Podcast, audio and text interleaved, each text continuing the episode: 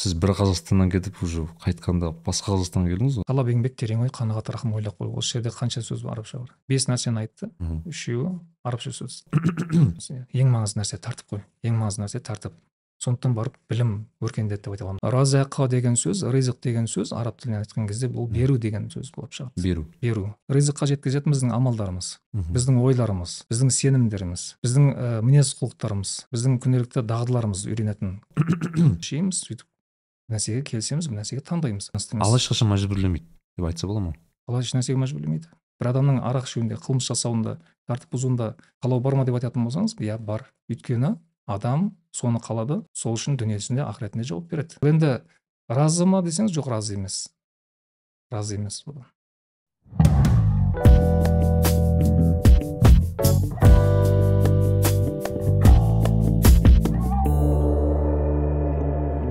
ассалаумағалейкум достар. Сіздермен мен нәрікби және нәрікби лайф подкасты. Ә, бүгін әдеттегідей ә, подкаст, подкастымызды бастамас бұрын ә, лайк бөлісу пікір бәрін жазуды ұмытпаймыз. Енді бірден бастауға ә, ә, бастайық. Өйткені бүгін бізде қонақта ә, менің өте көп өте ұзақ ұйымдастырып осылай іздеп ә, шақырған қонағым ол құрманғазы ұстаз құрманғазы садыбаев ұстаз. Ассалаумағалейкум ұстаз. Қош келдіңіз. Қош болдық қош көрдік. Иә. Ә, бұл өте қызық ә, осындай бір подкаст болмақ. Өте жаңалық көп айтар ойымша әңгіме көп. Ә, бірақ ә, менің ойымша ең ә, бір бастысы енді сізді шын айтсам медиада былай инстаграм парақшаңызды жүргізгенімен байқасам мысалы ютубтағы немесе басқа платформаларда мысалы көп айтыла бермейді екен. Сондықтан бүгін иншаллах осындай бір көбірек ә, мәлімет беріп сіз туралы осылай ашуға тырысамыз. Ә, мен айтқым келгені мынау ә, сіз енді құрманғазы ұстаз деген кезде мен енді ұстаз деген сөзді қосады. Яғни сіз ә, мен білсем сабақ бересіз? Әлиасқа ә, біздегі ә, университетінде. Ә, қай мамандықты айтып жіберсеңіз сол туралы кішігірім. Мхм мен он жетінші жылы ә, мысырдан келгенмін оқуды бітіріп ә, сол жерде бакалавр әл асқарды бітірдім. Одан кейін магистратуралық ә, жұмысты қорғадым. Одан кейін диссертация алдым докторлыққа. Оны бес жыл уақыт алды. Мхм ә, сол бойынша жұмыс жасадық. Содан кейін он жетінші жылы тәмамдадым дағыны ә, дипломды алып кейін нұрмаракта сол жылы жазда жұмысқа кірдім мхм қазірге шейін сол нұрмаракта ә, жұмыс жасаймын Иә. араб тілінен сабақ беремін сол араб тілі кафедрасында араб тілі және ағылшын тілі кафедрасында жұмыс жасаймын содан бері алты жыл болып қалды мм машалла жалпы басқа да қосымша жұмыстарымыз бар сондай керемет керемет өзіңіз атап өттіңіз әл асқар туралы мен енді ол туралы осы бір екі жылға бөлдім сіз әл асқарда ана өзіңіз айттыңыз 19 жыл оқыдыңыз.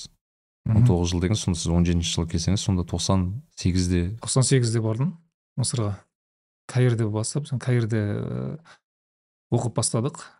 Сол жерде әл асқар университетінің бір екі үш жыл дайындық жылдары бар. Содан өттік. Содан кейін факультетке кірдім. Факультетті бес жыл оқыдым араб тілі факультетінде. Одан кейін ә, екі жыл магистратура уақыт алды. Одан кейін бес жыл ә, жаңағы докторлық жұмыс оның арасында жаңағы бір жыл жарты жылдай тақырып іздеу деген бар. Бұл жерде қазақстандағыдай емес ол ұстаздар оқытушылар ұсынады ғой кафедраны мысалы мынандай тақырып деп. Немесе жетекші болатын адам. Бірақ ол жерде ондай емес біз кітапханаға барып ә, жаңағыдай ә, өзіміз кітап қарап жұмыс жасап жаңағыдай тақырып қарап бір тақырып жарамай одан кейін екінші тақырыпқа ауысып солай сондай уақыттар жалпы білім саласында он сегіз жыл а он тоғыз жыл дедіңіз иә сонда ә, сіз бір қазақстаннан кетіп уже қайтқанда басқа қазақстанға келдіңіз ғой ну? Иә онда сондай иә ол сондай бұрын ә, тоқсан сегізде мысалы шымкентте болдық қой енді.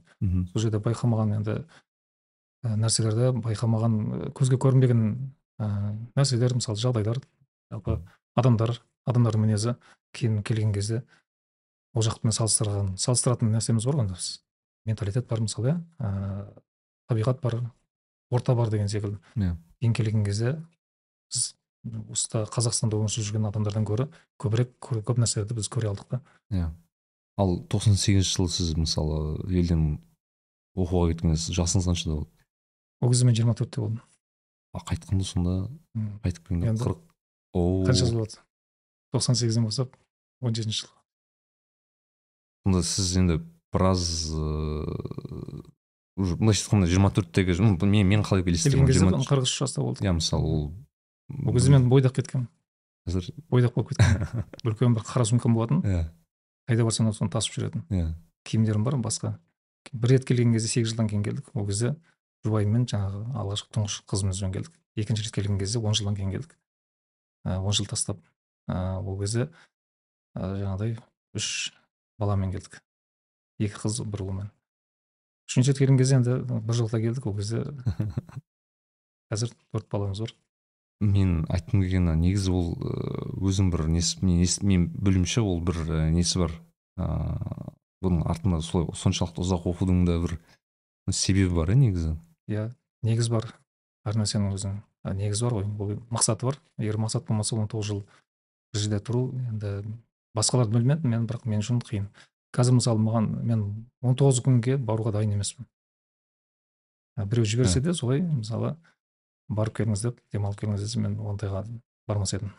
Өйткені менде ол жерде мақсат жоқ баруымда. Иә. Ол, ол кезде мақсат болды. Сондықтан көп адамдарға жұмбақ ол көп адамдарға жаңағыдай он тоғыз жыл бойы бір өмір сүріп жүрген секілді әйтпесе сол жақ ұнаған секілді. Жоқ маған қазақстан көбірек ұнайды мысырға қарағанда. Мм. Бұл жерде енді бір бөліп жару емес бірақ әркімнің өзінің жеке ойы ә, жаңағыдай жеке ойын айтуға бір ә, неміз бар ғой хақымыз бар.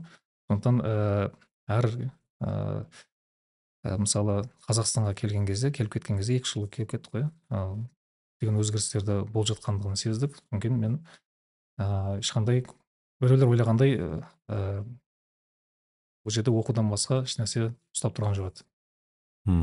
Келдік одан кейін жұмысқа дереу кірісіп кеттік. Енді ұстаз сұрақ менде енді көп ыыы мен арамда достарым бар осындай подкастқа осы қонақ келген жігіттер қыздар да бар бірақ енді оқыған кезде бәрі айтады там төрт жыл оқыдық бес жыл оқыдық бір екі магистр ары кетсе бір жеті сегіз жыл оқыдық. бірақ енді сіздің он тоғыз жыл оқуыңыздың несі қандай деген он тоғыз жыл оқығанда жаңағы біз бакалаврда айтып өткендей бес жыл болды содан кейін ары қарай басқа әлиасқардан әлиасқардан бөлек ә, басқа бір оқу орнында оқыдым. Ол жердің тақырыптары өзім оқыған сала өте өзіме қызық болды. Сол және де қосымша білім алдық. Ыыы жаңағы мешіттеріне барып басқа бір орталықтарына барып. Солай да біз жалпы білімнен басқа ешнәрсе енді көп маңыз беретіндей ешнәрсе болған жоқ ол жерде. Тіпті мысалы мен ә, осында арнайы барып қыдыратын жеріне каирдегі мысалы орталық музей бар шетелден келіп адамдар көреді. Соның қасынан қанша рет өтіп жүрсем де оқуым сол жақта болды негізі оқу орны. Кірген жоқпын. Он тоғыз жыл бойы бір рет кірмеппін бас сұқып қалыппын. Және де басқа бір ескерткіштеріне басқа бір қалаларына барған емеспін. Қайерден басқа? Бір екі рет бір басқа шаруамен барып қалдық. Онда да бір александрияға бір рет және де танта деген бір қалаға барып қайттық онда да бір зиярат есінде бір ондай емес. Саяхат жаңағыдай енді шыны керек қазір мысыр деген кезде жаңағы өзінің бір туристік қалаларын еске түседі ғой. Шарм шейхқа да басқа да басқа жаңағы хургада деген жерлерге мен барған емеспін. Иә. Енді қызық мысалы сіз докторлық былайша айтқанда phd дейді ғой соны алдыңыз иә? Яғни. Иә докторлық алдым. Докторлық. Менің естуімше сіздің жұбайыңыз да доктор деп естідім. Ол ол кісі магистрлық сол жақта магистратураны сол жерде қорғады әлиасқарды бітірді. Осында әл фараби жаңағы ә, қазақ ұлттық университетін бітірген. Содан кейін ә, барып каирге барып әлиасқарды жалғастырды әлиасқарды бітірді. Сол жерде бітірген тұңғыш қазақ әйел қазақстан бойынша. Машалла. Қазақстан бойынша. Және де орта азия бойынша жалпы сөйтіп айтсақ та болады. Одан кейін ә, магистратураны сол жақта бітірді өзім секілді жаңағы өзім оқыған орында. Докторлыққа тақырып алған бір, бір жылдан кейін енді денсаулығына байланысты жаңағы ота жасадық. Мхм. Денсаулыққа байланысты ары қарай жалғастыра алмады ол кісі. Машалла. Қазір енді нұрмаракта докторлық жалғастырып жатыр соны. Осы жерден тақырып алып былайша айтқанда сіз де жұбайыңыз да былайша айтқанда осы білім білім иә. білім жолында осы оқыдыңыз. Ыыы мен білсем сіз өзіңіз атап өттіңіз тіл араб тілі мамандығы негізі. Оқыдыңыз? Сонда осы оқыған оқуларыңыз бәрі араб тіліне байланысты болды ма? Араб тілімен байланысты және де басқа ресми оқу орны емес. Мысалы жаңағы орталықтарға барып. Мәрказ дейді мәрказ деп айтады. Иә сол жерге барып жаңағы діни білімдерді оқыдық. Енді айтып өтсек араб тілінің 19 жыл оқитындай несі бар ғой яғни? Иә Э, терең бар өйткені э, айтып отырмыз ғой мысалы әл асқарда факультетке кіргенше бір екі үш жылдай оқыдық. Оны енді араб тілін білмей бардық қой біз. Мхм. Екі үш жыл оқуға өзімізде қажет болды. Иә. қажеттілік сезіндік. Одан кейін бес жыл оқыдым. Ә, факультетте одан кейін ә, магистратураға түскен кезде де араб тілінің көне қолжазбалар саласын зерттедік. Бұл жерде екі жыл оқыдым кәдімгідей күнделікті сабақта. Одан кейін екі жыл тағы да тақырып алып іздес- іздестірдім. Мхм. Магистрлық жұмыс диссертация ретінде. Ары қарай жаңағы докторлық сол оқу орнында мм. Ыыы енді араб тілін атап өтсек мысалы бізде енді қоғамның кейбір мүшелері деп айтайын. Қазіргі мысалы діннің мындай біздің еліміздегі діннің дамуына деп айтаймыз жаюына байланысты мынандай сөз бар бұл яғни енді арабтың діні деген енді бөлек әңгіме бірақ арабтың тілі деп айтады да. Мхм. Оған енді әрине біздің өзіміздің жауап бар қазақ тілі де арабтың тілі. Бір жағынан мысалы өйткені менің өзімнің араб әріптестерім бар жұмыста. Ыыы мен өзім тіпті таңқаламын кейде айтқан кезде мен айтамын мынау біздің біздегі тілдегі сөз ғой мынау деп кәдімгідей. Мхм. Оларға түсіндіретін кездерім болады. Енді қазақ тілінің араб тіліне қаншалықты ну ортақ сөздер көп екенін мысалы ну парсы тілінде де сөздер көп бірақ енді шынымен көбіне менің ойымша бір араб тілінің несі әсері көбірек сияқты болды көрінді ма иә араб тілінің енді біздің тілімізді бір байытып отқан жерлері сол. Мгм. өйткені жаңағыдай күнделікті қолданып жүрген сөздерді біз білмейміз ғой. Көптеген есімдер мысалы ер мен әйелдің еркектер мен әйелдердің есімдері қазір де қойып жүрміз. Және де ол қойылғанда кезінде ата бабаларымыздың әже- әжелеріміздің аттары сол араб тілімен байланысты болған иә. Ә, және де өзіміздің қолданып жүрген сөздеріміз көп қой мысалы иә. Ә, оны сол сө- сол мағынада қолданамыз немесе басқа мағынада қолданып жүрміз да. Мысалы ынтызар ынтызар деп айтамыз. Ынтызарлана күтті деп айтамыз да. Күту Иә. деген сөз интизар арабшада. Біз оны интизарды ынтызар қылып алғанбыз да күтудің бір сипаты қылып алып алғанбыз көрдіңіз ба? Ынтызарлана күтті яғни сабырсыздана күтті сабырлы яғни тағаттана күтті деген секілді мысалы. Ә, шыдамдылықпен күтті деген секілді ынтызарлана күтті яғни күтумен күтті деген сөз ғой былай. Мынау да сол мынау да секілді иә. Ол енді араб тілі басқа тілге қарағанда ә, атап айтқанда орыс тіліне қарағанда бізге жақынырақ. Мысалы Иә. орыс тілімен біздің тарихымыз онша мхм. етене емес. Ә, бірақ, қазір енді қазақстанға келіп мысалы қазақ халқына айтатын болсаңыз неге сіз орысша сөйлейсіз? мысалы неге балаларыңыз Иә. орысша сөйлейді? Неге мысалы жаңағыдай күнделікті орысша қолданасыз деп айтатын болсаңыз ол сізге бажырайып қалуы мүмкін да не айтып отырсың деген секілді. Ал енді араб тіліне қараған кезде мысалы бұл біздің ата бабаларымыздың сөзі болған да. Және де ата бабаларымыздың діні сол бойынша. Сондықтан ата мына жаңағы атадан келе жатқан ол араб тілі ол біз қазір шығарып жатқан жоқпыз. Бұл араб тілі бұл қайдан келген тіл деп танымайтындай емес. Иә. ол бұрыннан келе жатқан өзіміздің ә, сөзімізге сөздік қорымызға жаңағыда ә, байлық қосқан бір тілдердің бірі. Иә мысалы мен анау еске түсіп жатқан мысалы абайдың өлеңдерін оқысам. Абайдың шығармаларында өте кейде шығармаларын оқысақ қара сөздерін оқыған кезде мен байқайсың араб тілді сөздер мен тіпті ол мағынасын да білмеуім мүмкін бірақ нағыз бір араб тілінің бір ә, бір тіркесі немесе бір сөзі тұрады. Сөзді ойлайсың яғни бұл кісілер яғни келе қоя берген кезінде енді мысалы. қараңыз талап еңбек терең ой қанағат рахым ойлап қой. Осы жерде қанша сөз бар арабша бар? Талап? Талап арабша араб тілі сөзіміз иә. Қанағат рахым. Үшеуі бес нәрсені айтты. Үшеуі арабша сөз. Иә. Yani содан ақ біле беріңіз мысалы. Ал түркі тіліне қарасаңыз тіптен олар енді араб тілінен келе алған тікелей алған. Және де одан ажырау мүмкін емес. Онда түрік тілінде қалмайды мысалы. Түрік тілі деген айтатындай қалмайды. Не кезіндегі мысалы анау ататүрік ана келген кезде айтады ғой ана түрік тілін кішкене арабтар араб сөздерін азайтуға тырысты деген тағы басқа. Бірақ қазір оқимын. Ыыы түріне сөйлей бастаған кезде соны байқаймын да яғни сол арабша сөйлеп жатқан сияқты боласың кей кезде. Иә иә. Енді ыыы араб тіліне байланысты айтатын болсақ мысалы араб тілінің өзінің диалекттері көп қой. Енді негізгі диалект мына фусха дейді яғни ол таза әдеби араб тілі деп айтсақ болады. Яғни мен анау енді біз мешітте оқығанымыз бар басқа оқығанымыз бар мен кейде енді бар арабшам осы ғой енді. Кейде сөйлейсің ол кезде анау мысырлықтар әсіресе таң қалады да маған қалай сөйлейсің? деген сияқты яғни біз олай сөйлемейміз. Біз ондай сөздерді айтпаймыз. Тағы басқа мен басында шынымен түсінбейтін едім неге олар сондай ыыы таң қалады деп иә енді ол араб тілі деп былай айтқанмен ортақ айтқанмен ә, араб тілінің өзінің ә, енді жиырмадан астам елдері бар ғой. Мхм солар өздерінің жаңағы жергілікті диалектілері бар иә. Мхм әрқайсысының өзінің ә, кірме сөздері бар. Мысалы мысырда барсаңыз мынау көпірді кубри деп айтады да.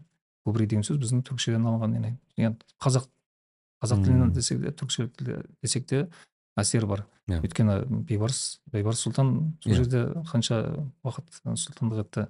Және де одан кейін жаңағы арабтардың осман ә, жаңағы түріктердің османлы ә, жаңағы дәулетінің кезінде ә, әсері болды. Да Иә. мысалы және де ә, анау су бөгеттері бар ғой бізде бөген деп айтамыз ғой. Мхм. Ә, оны қанатыр деп айтады да. Қанатыр көпше түрде. Ол негізі жекеше түрде қаңтар қаңтар деген біздің сөзіміз ол. Қазақша кәдімгі. Басқа түріктер ортақтаспайды деп ойлаймын. Негізі қаңтар яғни ол қаңтар айы. Қаңтар айы не үшін? Өйткені қар жауып ә, киіз үйдегілер кезінде қаңтарылып іште қалатын болған.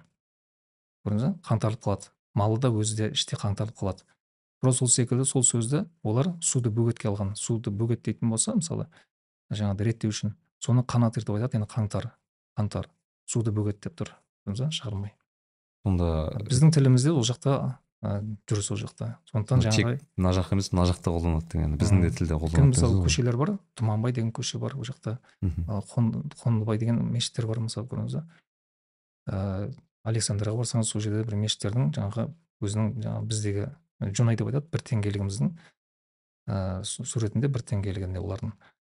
Мешіт бар александриядағы Мгм. сол жерде сол мешіттің аты біздің қазақ табардың атымен атады. Ол арабша емес ол қазақ Мм. түрікше де емес негізі. Ол біздің қазақша кәдімгі. Қалай сонда? Ә, сол ә, сол жерде тарихи тұлғалар болған сол мешіттің атымен Ыыы, аталған бейбарыс ағамыздың сол кісілердің заманында иә, ма сол кісілердің заманында қалған. Одан кейін де жаңағы тұлғалар қалған ғой. Иә. елді жаңағыдай алып жүретін кісілер. Мен мысалы өзім мысырлықтармен сөйлескен кезде соны бейбарыс туралы сұраған кезде олар бейбарыс емес оны басқаша атады мен захир захир бейбарыс деп айтады Захир деген сөз жеңімпаз деген сөз.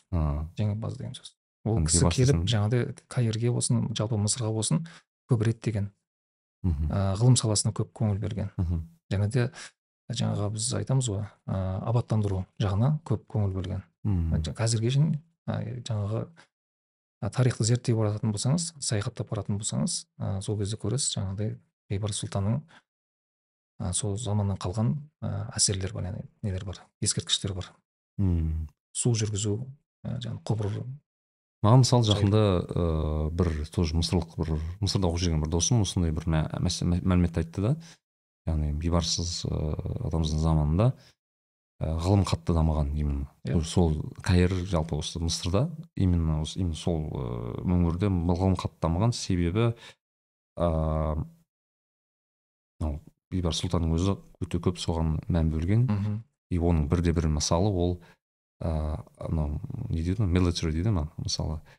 Ыыы армия тағы басқа осындай бір ыыы анау қорғануға немесе осы ішкі тәртіпке. арналған. тәртіпті иә ол жаңағыдай біз бір кітабын бес томдық бір кітабын ә, аудардық. Мен және де серігім болды осында.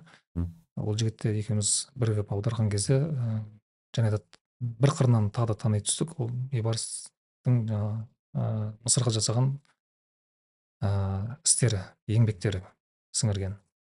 Соның ішінде жаңағы айтып өткенімдей м, әскери мхм, сыртқы болсын және ішкі тәртіпті ретке келтірген. Мысалы қаладағы біздің жаңағы полиция кезіндегі қызмет болатын болса соны тәртіпке келтірген. Оның жаңағы халықтардың арасындағы әңгіме осындай болды. Ауыз әдебиеті дегенмен де ол жерде енді бәрі ойдан шығарып жатқан жоқ. Ол же- ол жерде негіз бар да. Сол негізге сүйеніп ауыз әдебиеті құралады ғой. Иә, Иә. негіз болу керек ғой мысалы бір, тарихи бір алпамыс деген секілді мысалы мхм. деген секілді бір тарихи тұлға бар. Соның айнасында әңгімелер өрби береді. Тура сол секілді біз бес томның бір бір ақ томын аудардық. Ыыы соның өзінде көп нәрсемен мәліметтермен ә, таныстық та аудару барысында.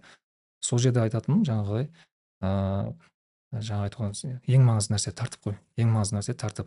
Сондықтан барып білім өркендеді деп айта аламыз да. Егер тәртіп болмаса ол ешқандай нәрсе өркендемейді ары қарай экономикада және де білім саласында. Көрдіңіз ба сол бірінші келген кезде ә, билікті қолға алған кезде сол неге көп көңіл бөлген. Иә.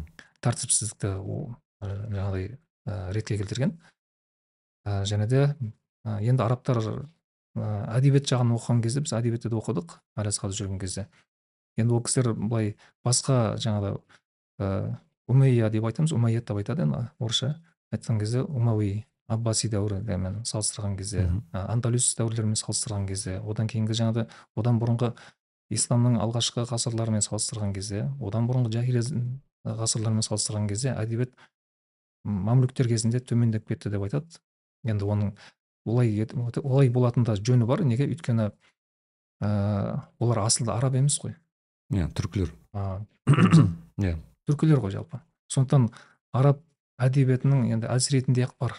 Солай ғой. Иә. Ол кез келген ол мамлюктерге түркілерге ғана қатысты емес ол кез келген ұлт мысалы өкілдері келіп ә, бір елге келетін болса олар әдебиеттермен көп шұғылданбайды ғой олар көрдіңіз ба басқа тірліктермен шұғылданады. Сондықтан ә, оған біз көңіл бөлмейміз. Немесе жаңағыдай оған енді жеңіл қараймыз былай. Сөйтеміз дағы басқа жағына қарай біз ә, назарда жаңағы экономика қалай болды ә, ішкі сыртқы тәртіптер қорғаныс қалай болды ә, ғылым саласында қалай болды біз соған көп ерен еңбектері бар соған ғана тоқталып өтеміз. Маған оқыған мәліметтердің бірі мысалы бейбарыс сұлтанның әсері ол өйткені ол жерде соғыс көп болды. Сол заманда яғни мысалы есіне болса орыстар айтады орысша айтқанда андай крестовый поход дейді басқа дейді. Мысалы христиан сол кездегі заман соғыстар бар тағы басқа. Сол үшін де әскери нені нығайтқан себебім сол болған дейді иә мысырға көп көз тіккен халықтар болды мысалы иә. Өйткені оның тарихи орны бар араб елдерінде қарағанда өзінің рөлі бар да. Мхм енді мысырды мысалы басқаратын болса басқа араб елдері енді жеңіл өйткені ол жерде халық көп және халықтық мінез бар. Және де ол стратегиялық орында тұр. Өзіңіз Иә. білесіз африканың иә, ортасында ә, ортасында жаңағыдай мына жағы теңіз мына жағы ніл. иә мына жағы жаңағы еуропа теңізі бар мына жағы қызыл теңіз бар дегендей. Сондықтан жаңағы көп елдердің көз тіккені рас. Енді бейбарыс бабамыз да оның әскерлері де сол құндылықты сол нәрсеге маңызды сол жаққа қарай аударып ә, стратегиялық жұмыс жасады деп толық айта аламыз да. Иә керемет. Қайғы зерттесең көп зат білуге болады дейді ғой яғни ол да бір ыыы зерттеу керек дүние. Ә, енді бүгінгі ә, мен өзім ерекше тоқталып өткім келген ә, тақырыптардың бірі ол мынау сіздің біздің ортамызда тұрған мына кітап. Ә, аты керемет осылай тамада ә, ризық деп аталады екен. Мхм. Өзім толық әлі оқып үлгермесем де енді біраз сұрағым бар.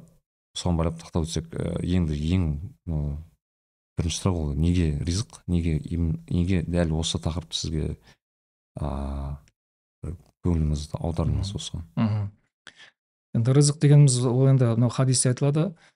Ә, адам баласы жаңағыдай анасының құрсағында жатқан кезде Иә. оған төрт нәрсе жазылады деп айтады Иә. хадисте. Бұл төртеуінің біреуі ризық оның амалы және де оның ажалы қашан болады ә, және де оның ризқы қандай болады және де оның бұл бақытты ма өмірде жалпы бақытсыз ба? Ә, дүниеде ақыретте де бақытты ма бақытсыз ба? Соны төрт өте маңызды Иә. ә, адам өмірімен байланысты ә, және тіршілігімен байланысты ақыретімен байланысты төрт нәрсе бар. Сол ма- соған байланысты келген хадисте енді ризық бар оның. Сондықтан біз ризық ә, деп отырмыз ғой. Ризық деген енді ә, көп адамдар ә, түсінгендей ол ақша ғана немесе азық түлік қана емес ол кең мағынасында. Осы біздің ә, осы сұхбатымызда ол ризық көрермендер үшін. Иә. ғой иә? Және де біздің танысып отқанымызда енді былай естігеніміз болмаса бұл бетпе бет кездескен емеспіз ондай адамдар емеспіз. Сондықтан бұл да осы сәтте ризық ә, көрдіңіз ба Иә.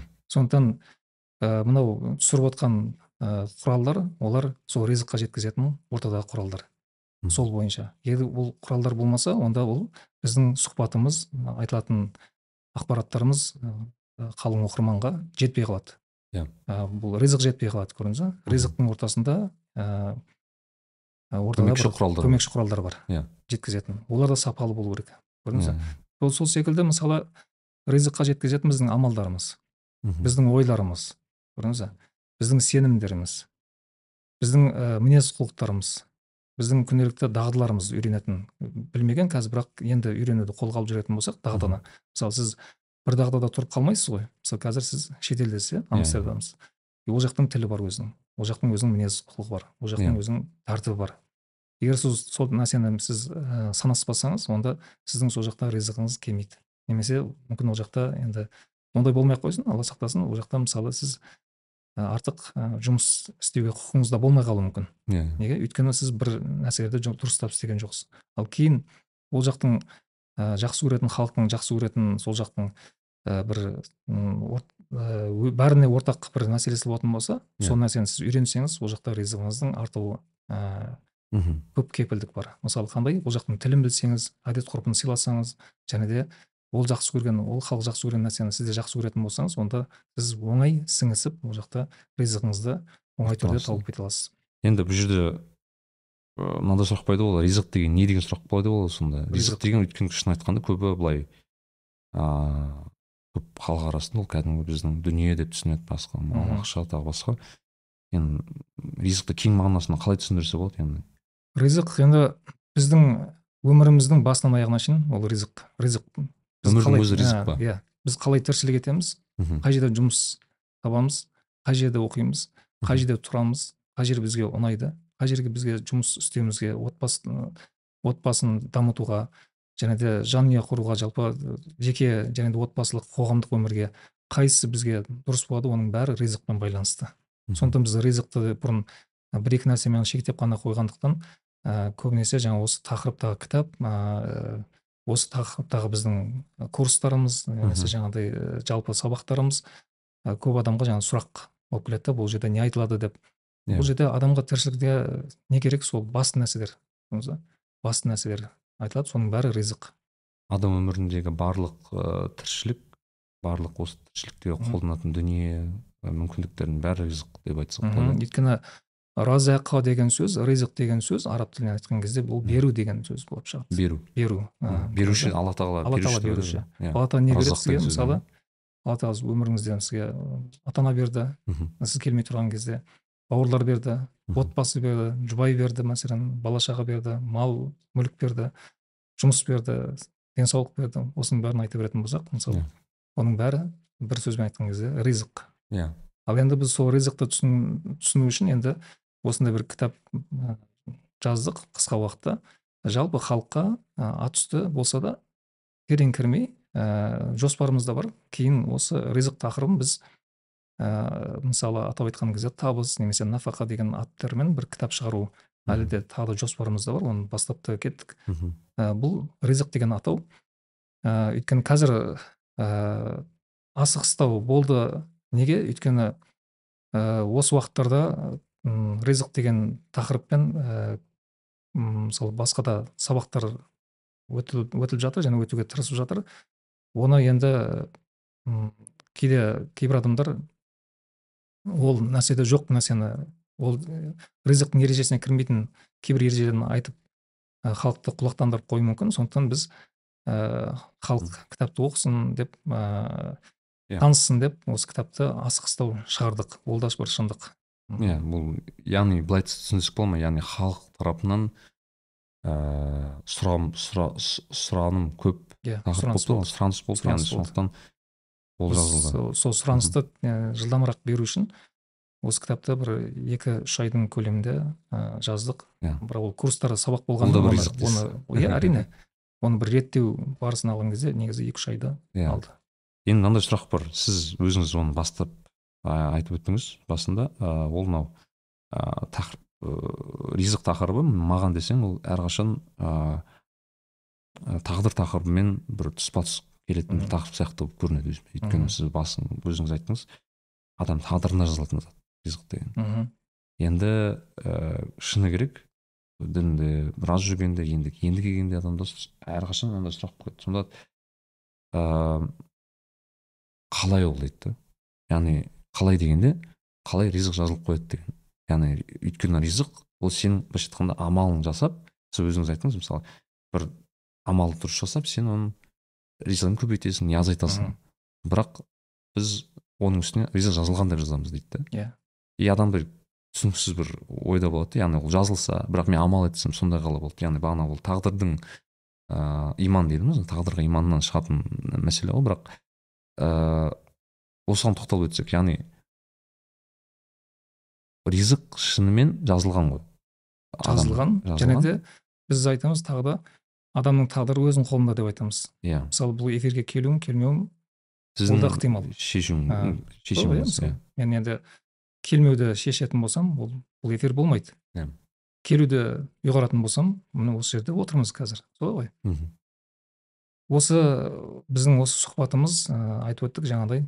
Бұл да бір ризықтың бір түрі. Иә. А, яғни ақпарат беру немесе білім беру. Иә. Енді осы нәрсені біз сіз ұсыныс айттыңыз. Ә, біз оны қабылдадық. Алланың қалауымен осы жерде отырмыз. Мхм. Бірақ бұл біліңіз алланың қалауы дегенмен де біздің біздің де қалауымыз болды ғой. Бұл жерде белгілі бір әрекеттеріміз бар ғой. Иә. Яғни біз егер мысалы сіз ода ондай ой ә, сұхбат жайлы ой келмесе сізге ризық болып келмесе мхм. Және де бұл ә, сіздің ойыңызға мен құптау білдірмесем онда ол да біздің тағдырымызда бар. Мхм. Тағдырымызда ол жазылған яғни бұл сұхбат болмайды. Иә. бірақ ә, екі арада келісім болды. Уақыт тауып осында келіп жатқаннан кейін біз Иә. ә, қазір алланың қалауымен қазір дәл осы секундтарда ә, біздің де қалауымыз бар алланың да қалауы болып жа- болып жатыр. Алланың қалауы болмаса екі жақ тұспа тұс келеді яғни. Иә? иә алланың қалауы болмаса бүйтіп отыра алмас едік. Алланың Мгм. қалауынсыз ешнәрсе жоқ. Енді қараңыз сонда біз енді біз айтамыз қазақта жазмыштан озмыш жоқ деп айтамыз иә мақалда. Мхм яғни жазылғаннан жазылған тағдырдан озмыш жоқ яғни озып кету жоқ. Әрине озып кету жоқ бірақ қалай озып кету жоқ?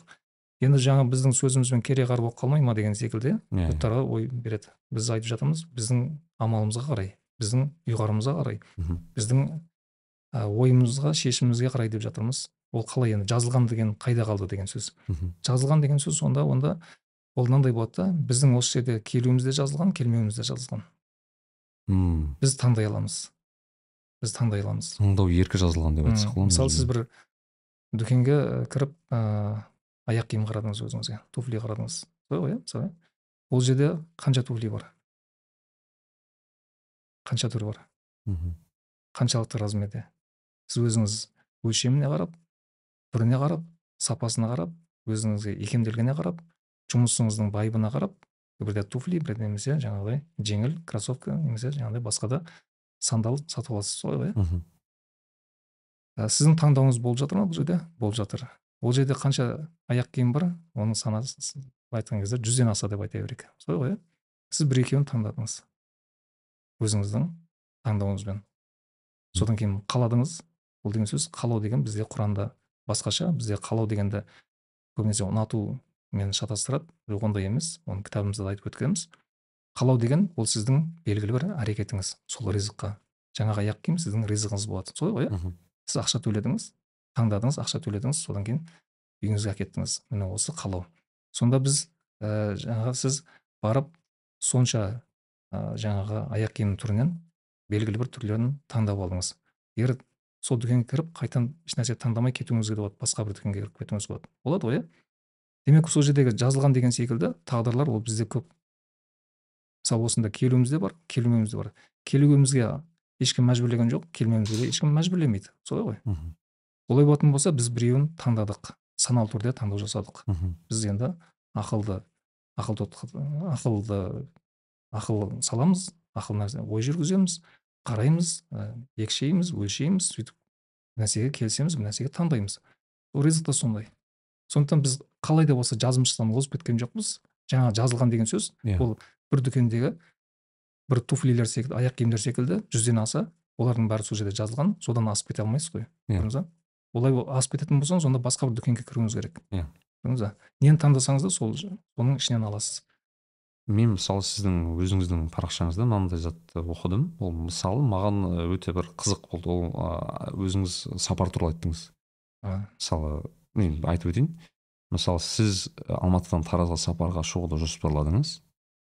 Сапарды көлікпен ұшақпен не пойызбен жүзеге асыруға болады. Енді сұрақ қай транспортпен бару жазылған деген. Ә, яғни жазылған деген сөз бұл алла тағала біздің нені таңдайтынымызды әуелден біліп қойған Иә. соны мысалы ә, пәлен деген адам мхм. мысалы құрманғазы алматыдан шығып таразға дейін ә, таксиді таңдайды немесе пойызды таңдайды немесе ұшақты таңдайды деп жазып қойған соңында Иә. бірақ ол жазып қойған бізге белгісіз ғой Иә.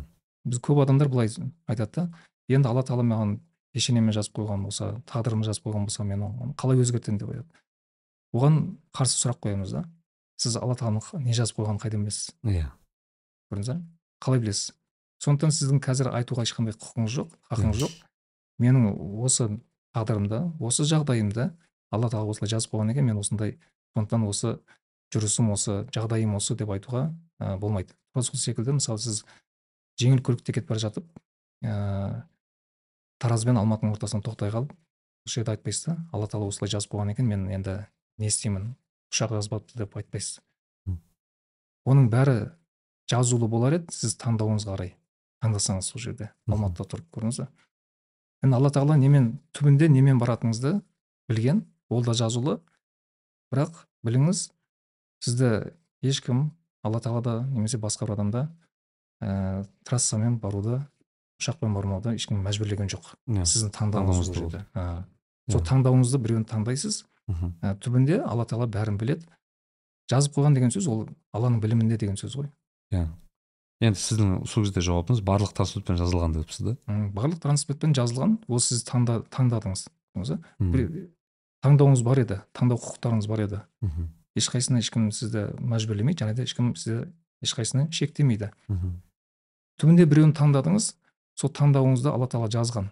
Бірақ енді алла тағала жазған деген сөз алла тағала мәжбүрлеген деген сөз емес ол. Иә. Мәжбүрлеген сөз алла тағала жазған деген сөз жаңа айтқан секілді білім білім бар. Алла біледі деген сөз. Иә. Жазу жазу мен ә, мәжбүрлеуді шатастырмау керек. Тура сол секілді. Мысалы бүгін ә, мамырдың ә, сегізінші күні. Солай емес пе? Осы осы жерде біздің сұхбат жазылған екен деп айтатын болсақ ә, сегізіне немесе онына немесе одан бұрын да жасауымызға біздің таңдауымыз еркіміз бар еді. Иә. солай ғой. Алла тағала осы нәрсені бізге мәжбүрлеген жоқ. Бірақ алла тағала осы күні осы сағатта осы жерде өтетіндігін біледі. Білуі біздің осы ісімізге әсер ете алмайды. Әсер етпейді. Яғни бұл бөліп жару керек иә мысалы алла тағаланың білімі мен біздің таңдауымыз. Мхм. ә, біздің таңдауымыз таңдау бізге ерік берген алла тағала. Иә. біз жаңа айтып жатырмыз ғой. Біз анамыздың құрсағында жатқан кезде осылардың бәрі жазылған. Ә, алла біздің дүниеге келмес бұрын әуелден біледі. Мхм. ә, нені таңдайтынымыз? түбінде бір нәрсені таңдаймыз ғой біреуін таңдаймыз ғой қайсы болса да қай транспорт болса да. Соны таңдайтынымызды біледі сол жазылған. Ә, бірақ оған дейін таңдау берілген. Таңдаудан да бізді шектеген жоқ. Адам адамда қай кезде болса да таңдау бар. Қандай жағдайда да таңдау бар. Таңдау бізден алынып қойған емес ешқашан да Иә. жақсылыққа қарай кетеміз бе оң жаққа қарай кетеміз бе жоқ сол жаққа қарай кетеміз бе ол да біздің таңдауымыз.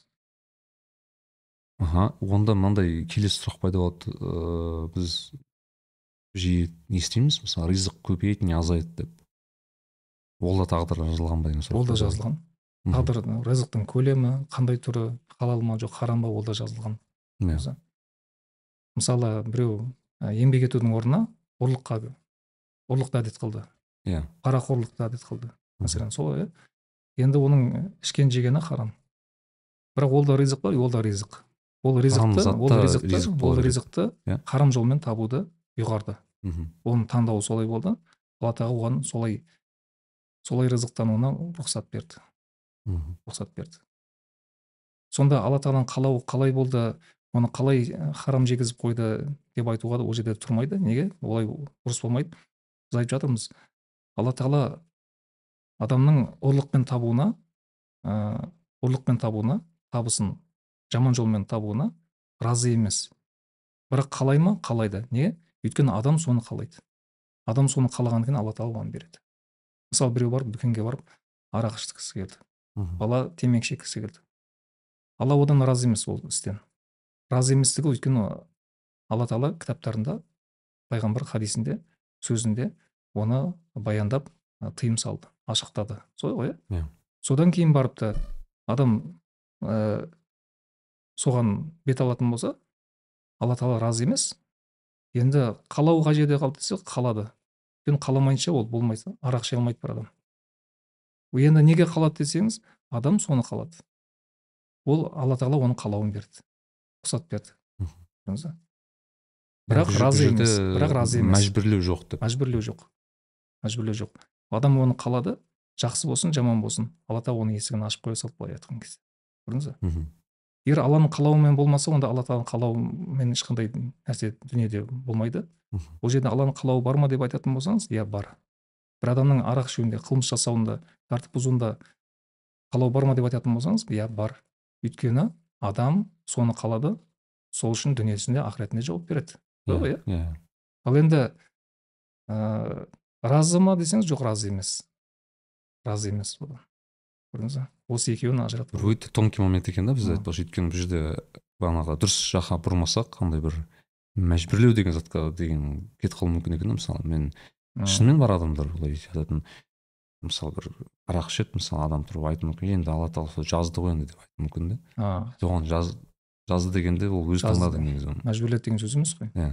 Жазды деген сөз мен, менің таңдауыма қойды деген сөз. Иә. негізі. Көрдіңіз ба? Енді жазды мәжбүрледі дегенмен жоқ жазу мәжбүрлеу мәжбүрлеумен ешқандай не жоқ. Тіке байланысты емес. Алла ешқашан мәжбүрлемейді деп айтса бола ма? Алла ешнәрсеге мәжбүрлемейді? Мәжбүрлемейді. Не нәрсеге мәжбүрлейді жақсыны баяндады жаманды баяндады. Жақсы істесең осылай болады деді жаман істесең осылай болады деді. Біз ақылымызбен білімімізбен жаңағыдай өзіміздің тәртібімізбен тәрбиемізбен мінезімізбен әр нәрсені жақсыны да жаманды да таңдаймыз. Иә. Оны сіз бір есімде болса бір парақшаңызда айтып өттіңіз бір рет. Бірақ осы сұрақты қайта ашқым келді. Ыыы ризық күнәға күнә ризыққа әсер ете ма деген сұрақ болды ризық келуі? Иә. Келуіне? Иә. Күнә? Әсер ете ма? Әсер етеді әсер етеді иә бірақ бұл жерде мынандай сұрақтан бастайықшы. Күнә деген не сонда? Күнә деген адам мен алла арасындағы нәрсе. Мхм. Біз күнәні көбінесе адамдармен шатастырамыз адамдардың арасында жоқ. Адамдардың арасында күнә жүрмейді адамдардың арасында жақсылық жамандық жүреді. Ол күнә емес. Ол күнә деп мысалы сіз біреуге бір жамандық жасаған болсаңыз ә, сол адамнан кешірім сұрауыңыз керек. Біреудің ақысын жеп қойған болсаңыз иә мысалы. одан барып жаңағы мысалы мен бір мен бір ақшаға алдадым мысалы бір адамды айтайық иә мәселен біреудің мың долларын алып қойдыңыз иә. ал бермей кеттіңіз. Ыыы ол деген сөз сіз содан өмірде болатын болса оны таба алсаңыз одан барып ақыретте өзіне немесе бала шағасына отбасына беруіңіз керек. Мхм. Егер дым таппасаңыз ол сіз басқа жақта ол басқа жақта болатын болса онда садақа ретінде бір ә, мұқтаждарға бересіз сөйтіп үміттенесіз.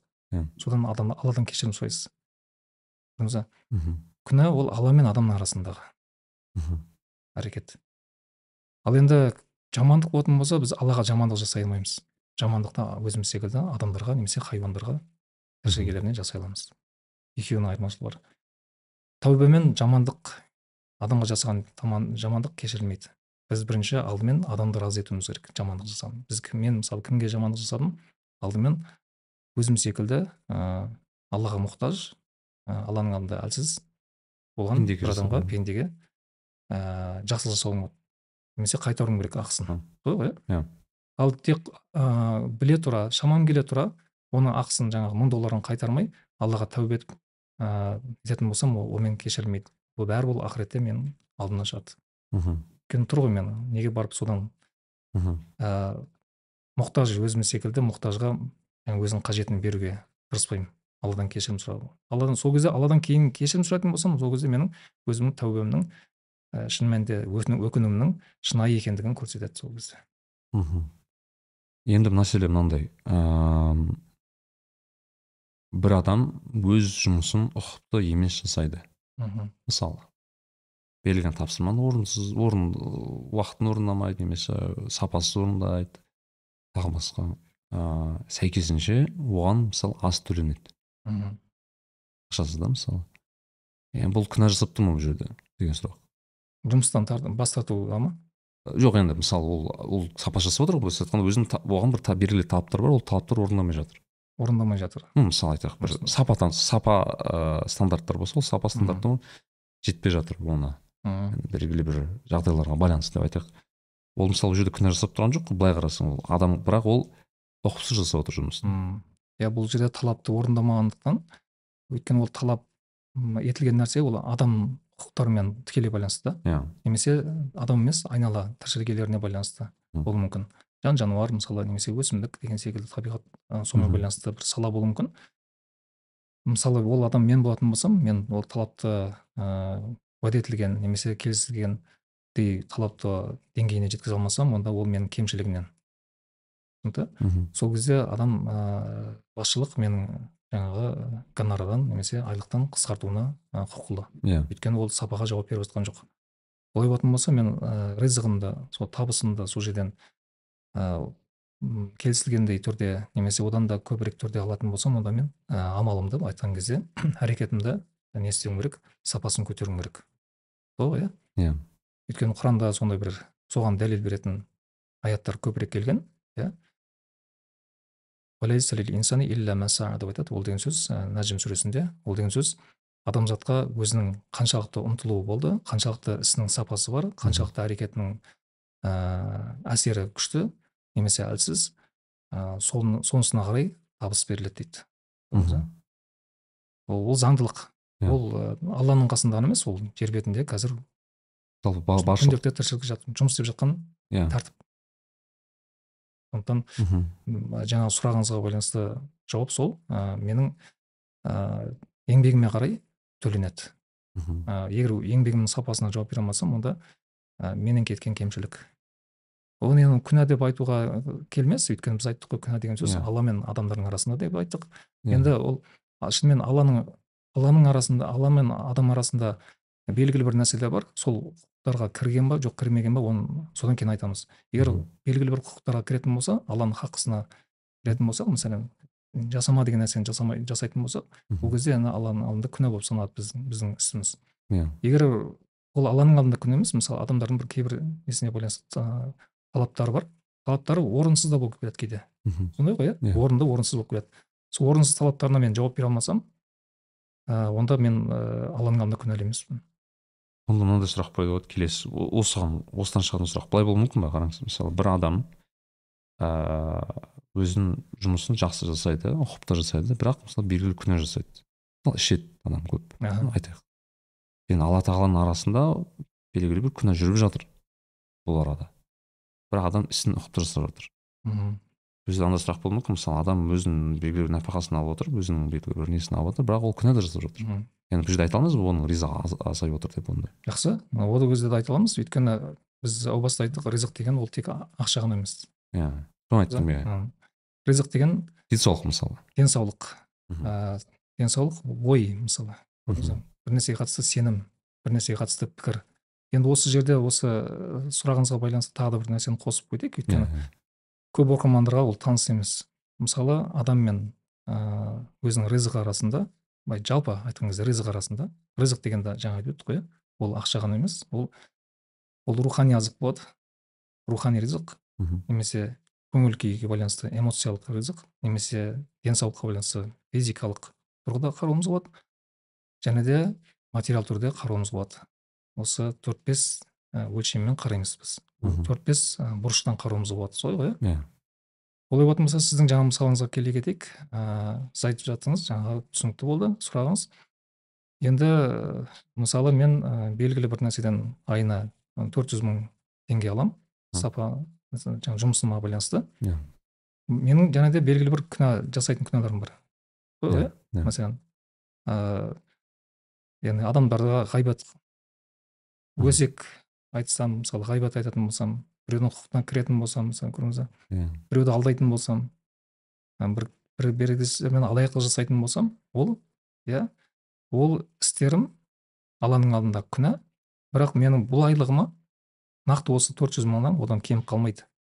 Ғой Иә. иә. Бірақ басқа жағынан ризығымды азайтып жатыр. Басқа жағынан. Өйткені біз келістік қой ризық деген тек айлық емес. Иә. ол жерде менің мінез құлқым өзгеріп жатыр. Ол жерде менің ішкі әлем рухани әлемім өзгеріп жатыр күнә істегендіктен солай ғой иә. Ал ол да келесі келесі жолдары менің ризығыма осы табысыма әсер етуі әбден мүмкін әсер етеді де. Енді сол тұрғыда айтамыз мысалы адам бір ә, табыс көзін ә, зерттеген кезде мысалы сіздің бір кәсібіңіз бар деп айтайық иә. Иә. кәсібіңізде мысалы сіз ә, не, істе- не десек болады? Ет өнімдерін немесе сүт өнімдерін өндіресіз немесе көлік жөндейсіз. Иә. Көлік жөндейсіз сол көлік жөндеу сізде өте қолыңыздан шебер келеді ә, шеберсіз. Енді сізге мен келіп ой тастаймын. Мен сіздің бір тұтынушыңыз келушіңіз клиентіңізбін Иә. ә, айтамын ә, жаңағыдай. Нареке осы мынау істеріңізді мынау ә, жаңағы орныңызды кеңейтсеңіз кеңейтсеңіз сізге табыс көп түсіреді ғой деп ой айтамын. Сіздің ой осы ойдың жетегінде жүресіз да иә. көрдіңіз ба сізде әрине табысыңызды еселегіңіз келеді. Иә. және де бұл жерде ә, көп адамға пайда бергіңіз келеді. Өйткені біз мысалы мен келдім ә, менен кейін келген адам кезек күтіп тұр. Екі үш күннен кейін ғана қарайсыз. Ода сізге неге мысалы ә, жаңағы орныңызды кеңейтпеске және де көмекшілер алмасқа? Солай ғой иә? Иә. онда жаңағы ешкімді күттірмес едіңіз. Ә, олай болатын болса сіздің қараңыз бұл жерде сіздің деңгейіңіз бар. Біз бес алты деңгейде қарайық. Ой деңгейінде дайынсыз ба жан деңгейінде дайынсыз ба осы нәрсеге энергия деңгейінде дайынсыз ба рухани деңгейде осы осы нәрсеге дайынсыз ба шеберлік түрінде деңгейінде дайынсыз ба соған қараймыз егер сіздің мысалы қаржыңыз дайын болса да шеберлігіңіз дайын болса да сіз ой деңгейінде мүмкін қараңыз дайын болмауыңыз мүмкін бұл қоғамда көп адам ә, кәсіп бастаған адамдар көп осыған мән бермейді ой деңгейінде дайын емес қалай ой деңгейінде дайын емес? Яғни мәселен ә, сіз осы нәрсені елестетіп көріңіз мысалы сіз аптасына пәлен көліктің орнына екі еселедіңіз орынды кеңейтіп Мгм. жұмыскер алып жаңағыдай көмектесетін. Сол нәрсеге сіз ә, иығыңызға алуға сол жүкті сол сенімді сол жауапкершілікті екі есе жұмыс істеуге өзіңіз ойша қараңыз дайынсыз ба дайын емессіз ба? Егер дайын ойыңыздан өзіңіз қазірше шошитын болсаңыз немесе ә, шегінетін болсаңыз немесе дайын емес жағыңыз көбірек болатын болса онда сізге дәл қазір оған дайын емессіз Мгм. енді қашан дайын боласыз ә, жарайды. Ә, екі есеге емес екі есеге емес. Ә, аптасына бір екі үш көлікті көбірек жөндейтіндей ә, соған мүмкін дайынсыз шығарсыз көрдіңіз ба? Өйткені адамға ризық атап айтқан кезде табыс атап айтқан кезде ақша ол немен келеді? Заңдылықпен келеді. Ол заңдылық ол заңдылық ә, кезеңмен келеді. Мхм, деңгеймен келеді. Этапты түрде келеді. Бірден келмейді ол. Иә. Көп адамдар осы жерден шатасады. Тез байып кетемін деген әңгіме бар. Мхм, жастардың арасында. Тез байып кеткім келеді деп айтады. Жоқ тез байып кетемін деген сөз жоқ ә, сөз бар бірақ мағына жоқ. Ондай іс жүзінде жоқ. Мысалы қалайша кездейсоқ деген нәрсе біз қолданамыз ғой иә? Кездейсоқ деген нәрсе негізінде жоқ. Солай ғой иә? Мысалы ертегілердегі мен сабақтарымда айтамын осы мысалдар мысал ретіп. Мыстан кемпір деген дию деген сөз жезырнақ деген сөзді біз қолданамыз иә? Бірақ олар жоқ қой негізінде. Өмірде жоқ қой. Иә. көрдіңіз ба? Өмірде жоқ. Тура сол секілді тез байып кетемін деген ешқандай мағына жоқ әңгіме жоқ ондай. Ондай дүниеде жоқ іс жүзінде ол заңдылықтан тыс. Көрдіңіз ба? Бірақ ол сөз бар. Жастар көбісі соған ұмтылады. Тез байып кетемін деген. Ә, мен ә, жаңағыдай елестетіп ұмтылады бірақ соның көбісі қате кетеді. Мхм, иә. Сондықтан жаңағыдай ә, бұл ризық атап айтқан кезде нақты айтқан кезде табыс оның жолы ә, кезең кезеңмен жалпы ризықтың бәрі сондай. Мхм, мысалы сіз төрт жыл алатын білімді бір жылда алып кете алмайсыз. Кезең кезеңмен. Екінші курс үшінші курс төртінші курс. Он тоғыз жылда алатын білімді. Иә. бес жылда ала алмайсыз деген ондай емес. Көрдіңіз ба? Сондықтан әр нәрсе кезең кезеңмен. Мхм, өйткені біздің өсуіміз де кезең кезеңмен біздің ақылымыз, ақылымыздың толысуы ол да кезең кезеңмен. Мхм, солай ғой иә? Иә. мысалы бір шеберлікті сіз бір күнде ала алмайсыз шеберлік дәрежесіне жете алмайсыз ешқашан да ал шеберлі болған сайын сіз табысыңыз арта түседі ризығыңыз арта түседі. Солай ғой иә? Танитын адамдарыңыз тұратын жеріңіз ә, жаңағыдай табысыңыз немесе жаңағыдай басқа да көңіл күйіңізге байланысты руханиятыңызға байланысты біліміңізге байланысты сіз бір деңгейден екінші деңгейге өсіп отырасыз. Мына көшет секілді. Сіз көшетті осы көктемде отырғызсаңыз келесі жылы ол ешқашан жеміс бермейді. Иә. дайын емес. Тура сол секілді. Әлемдік заңдылықтан шықпау керек. Қашан әлемдік заңдылықтан шығамыз онда ағысқа қарсы жүрген секілді. Күшіміз де еңбегіміз де зая кетеді. Енді мына мәселеге тоқтайықшы мысалы біз ә, жиі мысалы естіп жатамыз мынандай хадисті келтіреді да яғни туысқандық нені ыыы былай қарым қатынасты дұрыстаңдар нығайтыңдар күшейтіңдер сонда ыыы не байысыңдар деген былайша айтқанда сондай бір сөз бар. Ризықтарын көбейткен хадис бар. Иә хадис кім өзінің ризқына ыыы ризқын молайғанын қалайтын болса қалайтын болса көрдіңіз ба ұнататын болса деген сөз жоқ. Осы осы сөздерді біз негізі бір курстарымызда бір үш төрт апта өтеміз да. Яғни жеті сегіз сағатқа кетіп қалады осы түсіндірме барысында. Ол жерде қалау дегенді айтты. Қалау деген бір істерден тұрады әрекеттерден тұрады белгілі бір. Қалайтын болса және өмірінің мәнді болған яғни өмірін ұзартқанын қалайтын болса иә. ғой иә онда яғни туысқандармен байланыс жасасын деді иә. Енді туысқандармен байланыс жасаудың менде мысалы қаншалықты несі бар? Қаншалықты ризқыма әсер етеді иә? Ол әуелгі сөзіме сізге қайта ораламыз. Ризық дегенді тек ақшамен ғана байланыстырып қоймаймыз. Ол иә. жерде көңіл күй бар ол жерде эмоция бар ол жерде денсаулық бар ол жерде біреудің алғысын алу деген рухани табыстар бар. Солай ғой иә, иә. ол адамдардың адамдардың разылығын алатын болсам онда мен алланың разылығын аламын. Солай емес па иә, өйткені бір хадис айтады яғни бұл деген сөз яғни мен ә, өзіме жақсылық жасаған өзім бір шарапатын көрген қызметін көрген адамдарға ә, алғысымды айта алмасам шүкірімді өтей алмасам онда аллаға да алғысым жоқ шүкірім жоқ адам боламын да көрдіңіз ба? Ондай қабілетім жоқ болады яғни көрдіңіз ба? Ондай қабілетке ие болмаймын. Ә, бұл жерде адамның қалауы емес жалпы сол қабілетке ие болмаймын. Сондай болатын болса менің туысқандардан мысалы ә, туысқандық байланысты нығайтуым ол менің көңіл күйіме денсаулығыма мінезіме. Сол секілді олардың разылығына сол секілді алланың разылығына ал алланың разылығына деген сөз алланың ісімде қолдауына ие боламын лайық боламын. Ал енді керісінше болатын болса мен туысқандық байланысты үзетін болсам иә олай болатын болса менің көңіл күйім де солай ә, кемиді. Денсаулығым көңіл күйімен байланысты менің ішкі әлемім де тарылады ішкі әлем тарылған кезде менің денсаулығыма да ол жаңағы ә, психосоматия деген өз ілім бар ғой. Сол сала сол нәрседе көбірек ә, кеңірек айтылады ол да менің ә, денсаулығыма әсер етеді. Денсаулығыма әсер ететін болса yeah. мен мысалы қараңыз осы жердегі мынау оқырман үшін ризық деп айтатын болсақ мен бүгін денсаулығыма байланысты келе алмайтын болдым. Тіпті сұхбатқа келіскен жоқпын. Онда көрдіңіз ба мен осы сұхбатқа келуім де келмеуім де денсаулығыма көңіл күйіме байланысты болады. Егер мен мысалы бір нәрседен қорқып тұратын болсам үрейлі болатын болсам жүрегім тыныштық болмайтын болса бір нәрсені уайымдайтын болсам бұл сұхбат болмайды яғни болмайды көрдіңіз ба олай болатын болса неден мен тыныштық таппадым? Өйткені мен туысқандармен байланыспай қойған адаммын. Бірнеше жылдар бойы туысқандық байланысты үзген адаммын. Иә. Рухани кедейшілікке ұшыраған адаммын рухани бай емеспін. Ал адамның рухани бай болуы ол материал түрде бай болуына тікелей байланысты. Егер қараңыз мысалы мынау мысалы ә, алысқа бармайық осы кітаптан мен егер белгілі бір түрде материалдық табыс тауып жатқан болатын болсам ол менің осы кітап жазбас бұрынғы ойыма байланысты.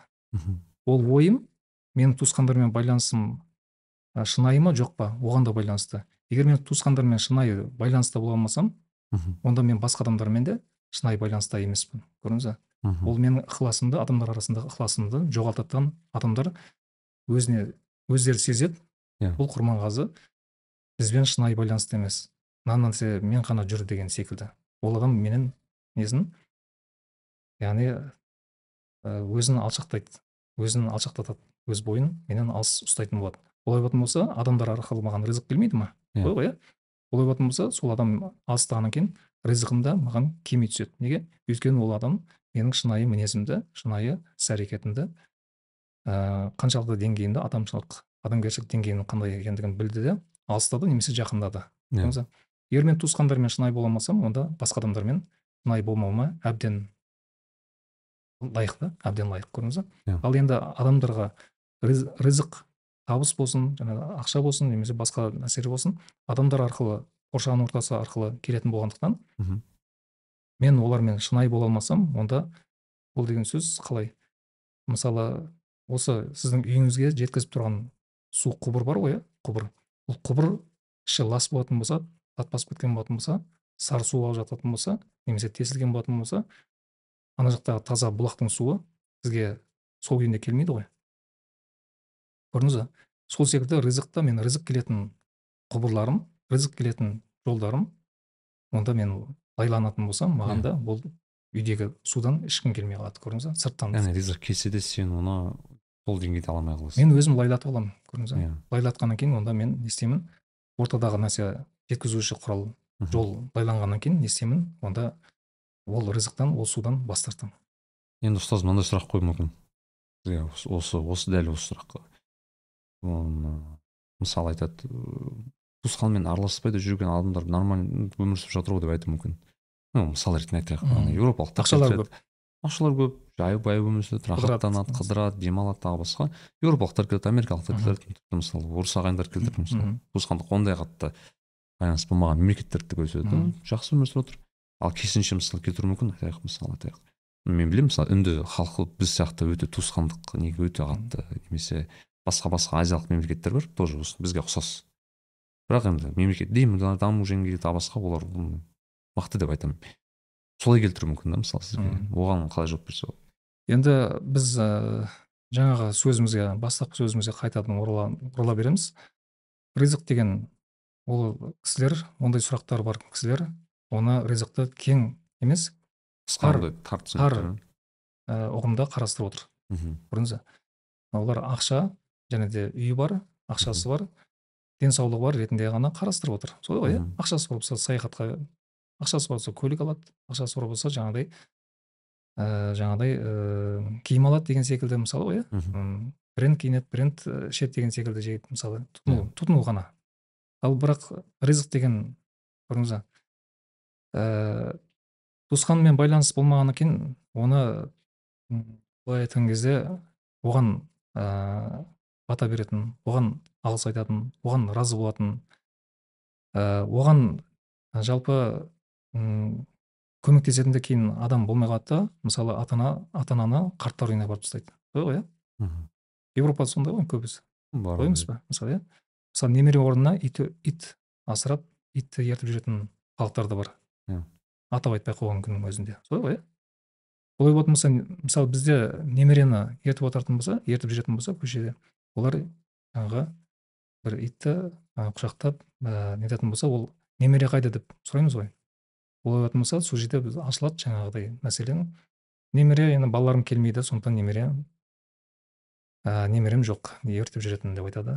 Балаларымның жағдайын сұрамайды немесе балаларым мен өзім қол үзгенмін. Ә, яғни олар немере келіп бізді арқа жарқа болып жаңағыдай біздің үйренген қазақ менталитетіне сай емес та ол да ризық. Өйткені ол қараңыз мысалы сіз ертең кейін үлкейген кезде ондай болмай ақ қойсын мысалы енді әрқайсымызға да ол сізге ғана қатысты емес.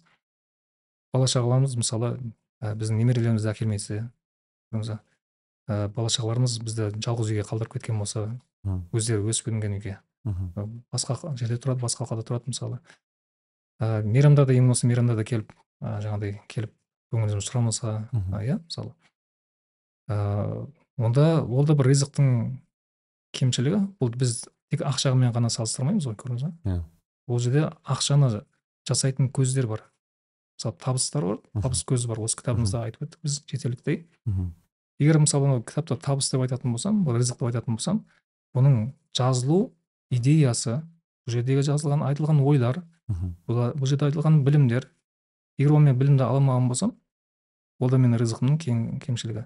Сол білімді алуға бармаған болсам ол да менің денсаулығыма байланысты немесе басқа бір жағдайға байланысты ризығымның кемшілігінен Иә. ол ри- білім ала алмай қалдым түбінде бұл кітап шыққан да жоқ көрдіңіз ба Иә. бұл қазір материалды табыс деп айтатын болсаңыз ол автор үшін мысалы иә ол басқаларға рухани табыс солай емес пе Иә. оларға ақша әкеліп жатқан жоқ қой Мхм. бірақ шын қашан оқыған кезде бір мәселені түсінген кезде оларға шын мәнінде ақша әкеле бастайды көрдіңіз ба Иә. олай болатын болса ақшаның басы бұл таза ой ақыл мінез дағдылар руханият жалпы. Сондықтан біз жаңағы немізді айтып отырмыз. Ә, жалпы табысқа ие болу үшін ой таза болу керек. Ой энергия деңгейінде дайын болуыңыз керек. Рухани деңгейінде жан деңгейінде дайын болуыңыз керек және де шеберлік деңгейінде дайын болуыңыз керек. Осы бес алты ә, сатылар бар. Егер олар дайын болмаса олардың бәрі кемел болмаса онда белгілі бір ризықтарда кемшілік бар. Мм. енді менің ойымша осыны бір жақсы жеткіздіңіз яғни ыыы бірнеше рет қайталап ол ризық ол тек табыс емес. Өйткені шынымен мысалы тіпті қазір ыыы ол дін ну орысша айтқанда руханиятқа да байланысы жоқ. Мысалы сөздер болады. Мысалы айтады мынау мысалы жігіттер қыздар бар. Мысалы айтады блог жүргіземін ақша келмейді тағы басқа. Мысалы айтады пайдалы бір нәрсе жасап жатыр. Немесе кітап жазып жатыр немесе бағанағы ақша жүргізеді. Ыыы пайда келмейді па- табыс әкелмейді дейді да мен айтамын онда табыстың басқа көзін көріп отырсың ғой деймін да онда. Мысалы мен менің жауабым сондай да. Сен ризықтың басқа түрін көріп отырсың. Мысалы ол елдің батасы. Немесе елдің елге сен Разылығы. немесе бір адамның өміріне бір әсер ете алу. Мхм немесе бір ыыы сенің халық арасында сені танымал болу. Мхм сен сатып ала алмайсың. Иә. бірақ Абырой- абырой сатып алу мүмкін емес мысалы айтайық. Денсаулық сатып алу мүмкін емес. тақуалықты сатып ала алмайсыз Иә. көркем мінезді сатып ала алмайсыз солай ғой иә. Ал енді ол көркем мінез тақуалық мысалы тәртіп жүріс тұрысымыздың дұрыс болуы ол ризық әкелетін ақша әкелетін нәрселер ғой негізі. Біз оны білмейміз да сондықтан қолдана қолдана алмағандықтан не істейміз? Біз оны мойындамаймыз. Иә ақша бір өзінен өзі пайда болып жатқан секілді қараймыз да Иә. түбегейлі ойлай алмаймыз мысалы мына жерде дәл қасымызда Мгм. көлік жуатын жиырма төрт сағат көлік жуатын Иә. аптасына жеті жеті күн жұмыс жасайтын бір орын бар иә. Иә. жаңағы бір осында келер- келген кезде бір бауырымнан естідім Мхм. ол кісі солай сипаттады осындай көлік тоқтамайды таңертең болса қай болса түнде болса Иә. да неге өйткені ол жерде осындай ә, жұмыс ұсынады осындай ә, ресурстар ұсынады. Иә. жаңағыдай суы жақсы келуі Иә. жаңағыдай ә, сабыны жақсы деген секілді құрғату жақсы деген секілді шаң сорғыш деген секілді. Олардың бәрі мынау адамның сол жерде қожайынның кеңшілігінен болып жатыр. Иә. Сол кеңшілік етті. Содан кейін оған да кең, ә, көп адам келіп табыс кеңшілігі орнап жатыр. Болып жатыр ғой солай ғой? Иә. біз сол секілді біз қаншалықты тар болатын болсақ Иә. Ризығымыз да тар. Қаншалықты кең болатын болсақ ол ризығымыз да сондай. Енді жаңағы сіздің айтып жатқан жаңағы қыздар болсын ұлда- жаңағы жігіттер болсын блогерлер болсын ә, мен осындай ұсынамын. Ә, табыс мен ойлағандай болмай жатыр деген сөз негізі жалған сөз. Мгм. қалай? Өйткені ол заңдылық бар. Сіздің бергеніңізге қарай келеді. Сол ғой иә бергеніңізге қарай келеді. Ал ол адамдар негізі бере алмай жатыр. Бере алмай жатыр сондықтан ала алмай жатыр немесе беруінде бір сапаны ескермей жатыр ә, сол нәрседен кінәрат болып жатыр. Немесе жеткізу құралдары ортадағы нәрсе дұрыс емес. Соны реттейтін болса болады. Иә. Yeah. ә, былайша негізі ол алла уәде еткен нәрсе. Өйткені айтады ол деген сөзіне алланың ол адам ойламаған алладан бір кеңшіліктер келеді ризығында болады. Ол есептемеген ол есептемеген түрде көрдіңіз ба неге? Бірақ ісінде тақуа болатын болса. Тақуа деген сөзіміз ол ә, белгілі бір түрде ә, түрінде киімінде өзгерту емес жүрісінде көрдіңіз ба? Мәселен бір жаңағыдай тәспі тастарын ұстап жүру емес ұқыпты жасау жаңағыдай киімінде бір емес ол ісінде жауапкершілік. Иә. ә, ісін өнімінде сапа көрдіңіз ба?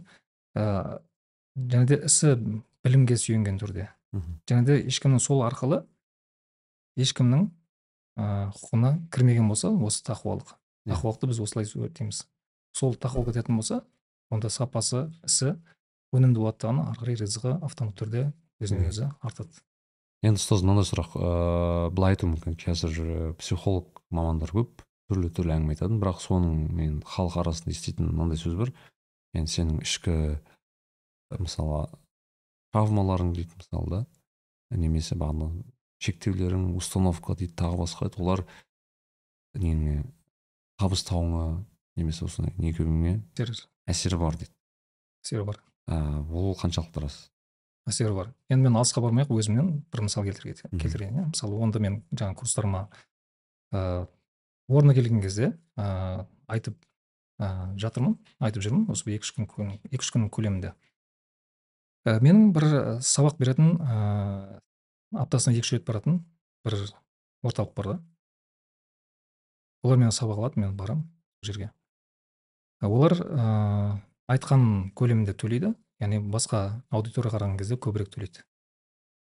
Енді ә, бір күндерде маған мынандай ой келді ә, мен аптасына бір ақ рет барайын немесе бір аптаны өткізіп жіберіп содан кейін барайын. Олар маған төлеуде қиналып қалмасын деген ой келді. Сол ойдың жетегінде кеткен кезде менде сол жаққа баруым сиреді енді олар менімен хабарласты. Біз сізді күтіп отқан едік. Сіз ертең келсеңіз жақсы олар да ә, жаңағы сабақтарымыз ә, бір мынандай күндер болса болар еді. Негізі ә, болмай кетті ғой деген ә, хабарды айта бастады мхм. Енді олар менің ішкі жағдайымды әрине білмейді ғой. Мхм. Менің ішкі жағдайымды қараңыз. Сыртқы жағдайыма әсер етті. Қалай менде жаңа ой болды. Бұны кедейлік сана деп айтамыз. Бұны кедейлік сана деп айтамыз. Жоқшылық сана яғни. Солай ғой иә. Қалай? Сондай бір ой келді. Бұлар мен аптасына бір екі үш рет баратын болсам төлеуден қиналып қалуы мүмкін деген. Сол ой мені шешіп тастадыңыз ғой былайша айтқанда оларға үшін үкім беріп тастадым да көрдіңіз ба? Ал олар оны ойлап та отырған жоқ. Оларға маңыздысы ақша төлеу емес оларға керек білім екендігін олар біліп отыр. Ә, оларға менің баруым керек. Ана ақпаратты яғни түсіндіруім керек немесе беруім керек. Солай ғой. Иә сонда мен жаңа ойдың әсерімен ә, әрекетім өзгерді ғой. Әрекетім өзгерген кезде мен бармадым. Демек сол аптадағы мен табысты алмадым. Ақшалай. Солай ғой. Төлемді алмадым енді енді менің ойым жаңа сіздің сұрағыңызбен не байланысты. Мысалы біз ауылда өскеннен кейін өзіңіз білесіз қазақ ауылдары. Қазақи тұрмыс. Ә, жаңа совет кеңестік кезіндегі бір айлықпен бір отбасын асырайтын кез болған енді ол кезде сол оймен біз қалғанбыз да. Сол ойдан көбінесе біз кейде кей уақыттарда қайта қайталай береміз қайтып келе береміз. Санамызда жазылған нәрсе ғой.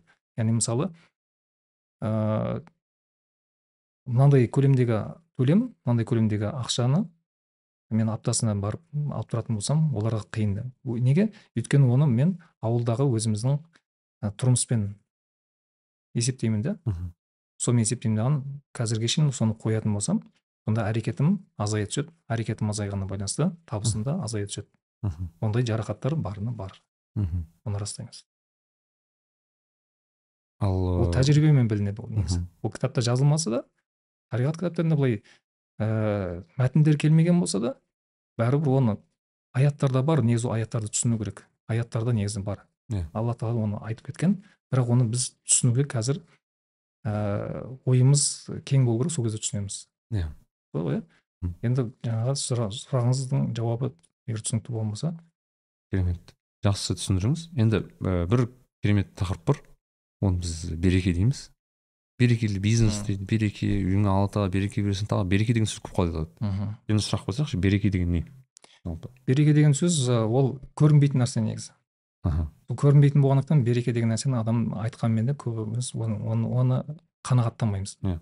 онымен тоқталмаймыз яғни оған келіспейміз көрдіңіз ба мысалы ә, мына берген білімнің берекесі мына алған кітаптың ә, жазылған берекесімен мен пәлен істеп кетейін берекесі дарысын ә, біреудің жақсы сөзінің берекесі деп айтып жатамыз ғой yeah. Иә. әйтпесе ол айлық алды сол айлықтың тапқан ақысының берекесі деген секілді иә yeah. берекемен біз оны ол алланың тауфиқ яғни біз өлшемеген есептемеген түрде келеді ол береке көрдіңіз ба ол айтып отырмыз ғой кітап көрінген болса кітап көрінген көрінген бар ортадағы дүние болатын болса материалдық өлшемі бар түсі бар деген секілді берекенің оның, оның біз көретіндей өлшемі жоқ иә. Ол біздің көзімізден ғайып нәрсе. Бірақ бар бірақ ғайып нәрсе. Ғайып болғаннан кейін біз оны ғайыпқа сенетіндер бар сенбейтіндер бар. Сол ғой иә. Бақара сүресінде алғашқы құранның алғашқы сүрелер ғой иә. Құранда тұрған тәртіппен. Не дейді?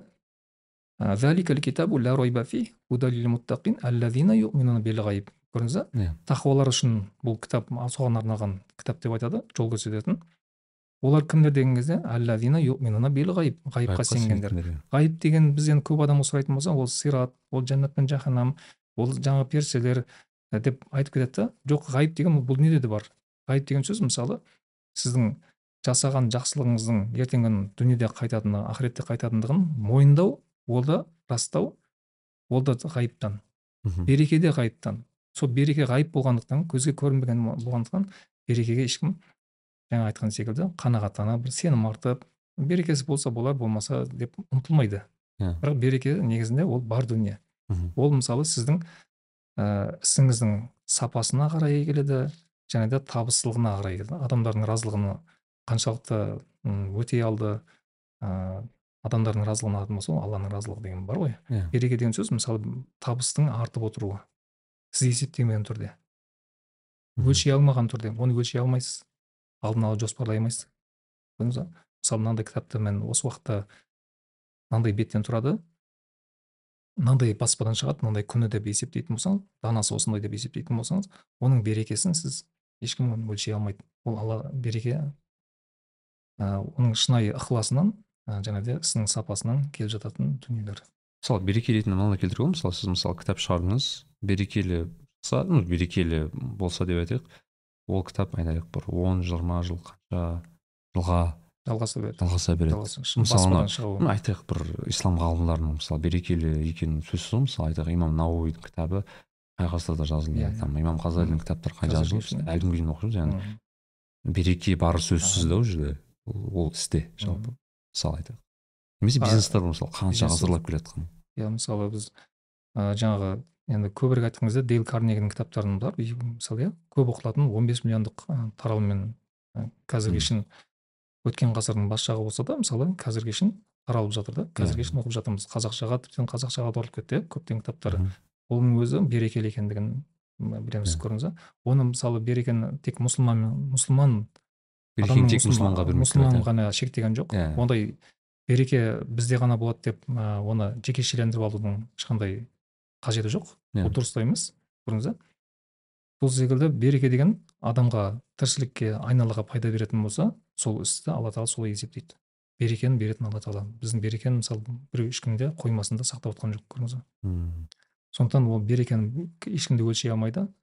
Кім қай жеткім келетінін оны білмейді ә, неғұрлым пайдалы болуды көздесек ісіміз пайдалы болуды көздесек сол кезде береке болады.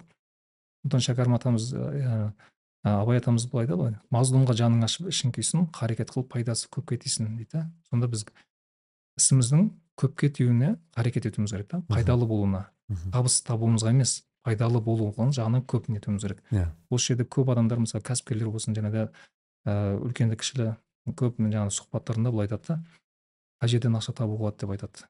Жоқ ол қай жерден береке қойылды қате сөз қай жерден пайдалы бола аламын? дегенді алға қою керек. Иә. Ол меже көрдіңіз ба пайдалы болатын болсаң сонда адамдар разы адамдар разы болатын болса алла да разы.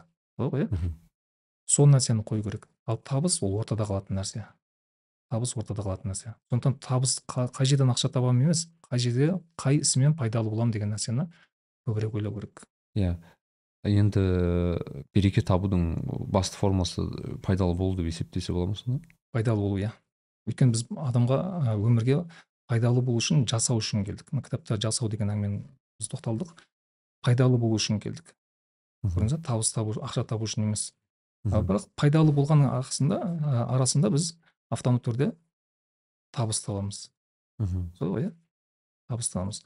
Мысалы сіз қай, қай бір істе ақша табамын деп емес ә, неғұрлым мынау қоғамда ә, кемшілік бар жерге Мгм. ә, жаңағыдай кемшін тұстарына пайда келтіремін олқылықты жабамын деп ойлайтын болсаңыз онда табыс өзі автомат түрде келеді. Осы сөзге негізі сенуіміз керек бәріміз. Абай айтамыз ғой сен де бір кірпіш дүниеге кетігін тап та бар қалан яғни пайдаңды бер сол жаққа барып қалам дейді. Сол кезде сіздің орныңды табасың дейді көрдіңіз ба енді құранда айтады көрдіңіз адамзат бекер жаратылды деп ойлай ма дейді дүниеге келген кезде дүниеге бекер келдім деп ойлай ма дейді көрдіңіз ба Иә. яғни ол адамға ә, пайда беру үшін келді пайда беру үшін келді. Яғни адам болу үшін келді яғни көрдіңіз ба адам адам болып адам адамгершілік деңгейіне көтерілу үшін келген. Иә. солай ғой иә шәкәрім атамыз былай айтады ә, адамдық борышың халқыңа еңбек қыл. Ақ жолдан айнымай арсақта оны біл деп. Сол көрдіңіз ба мысалы?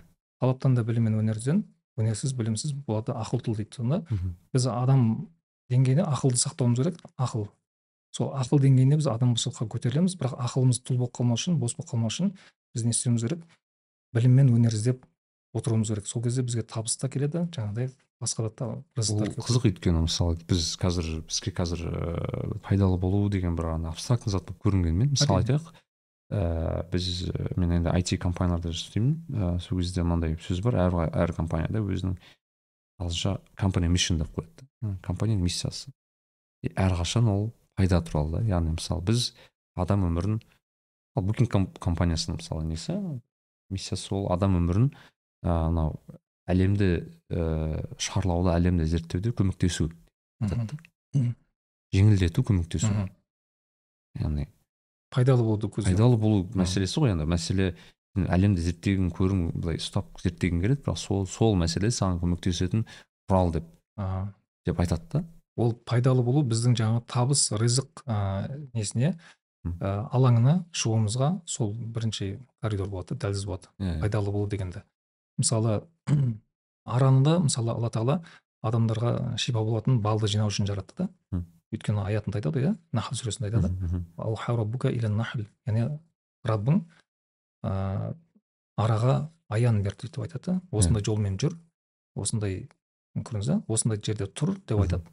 Сонда жаңағы адамзатқа араның қаншалықты қай жерде тұруы ә, тұратын жері де маңызды болып тұр онда және жүретін жолдары да маңызды болып тұр да. Ол жолды алла тағала бағындырған сол айтады. Мхм. сонда м, араны да бізге адамдарға пайдалы болуды сол- сол үшін жаратқан болса араның жұмысын ешкім жасай алмайды. Одан басқа. Иә ешкім одан басқа ешкім жасай алмайды көрдіңіз ба мысалы иә? Сондықтан тура сол секілді әрбірімізде мынау өмірде ара сияқты дейміз да әрқайсымыздың жаңа абай атамыз айтқан секілді сенде бір кірпіш дүниеге кетің тапты бар қалған яғни біздің әрбіріміздің өмірімізде қабырғамыз бар тұратын орнымыз. Ол- одан басқа ешкім тұра алмайды оған сол ғой иә? Иә. Ә, мен болмасам да біреу жасап жатыр ғой деген сөз мысалы табыс жаңағы ә, бизнес саласында көбірек айтылады. Ә, мен ашпай ақ қояйын осы нәрсені мен істемей ақ қояйын деген секілді. Иә. жоқ әр адамның өзінің ә, ісі бар сапасы бар. Ол ол оның білімімен ішкі ойымен мақсатымен ә, ықыласымен ә, және де шынайы ә, сеніммен тікелей байланысты нәрсе. Тікелей байланысты нәрсе. Сондықтан біз жаңа айтып айтып өттік қой иә. Ә, сіз бір нәрсені жұмысты адамдарға пайдалы болу үшін ұсынған кезде сізге әрине сол пайда сол істен сізге табыс келеді ғой иә пайдалы болуды көздейсіз бірақ пайдалы болуды көздеген кезде сіз ой тұрғысында ой деңгейінде энергия деңгейінде рухани жан деңгейінде шеберлік деңгейінде дайынсыз ба дайын емес па соны көріп өлшеп алу керек Иә.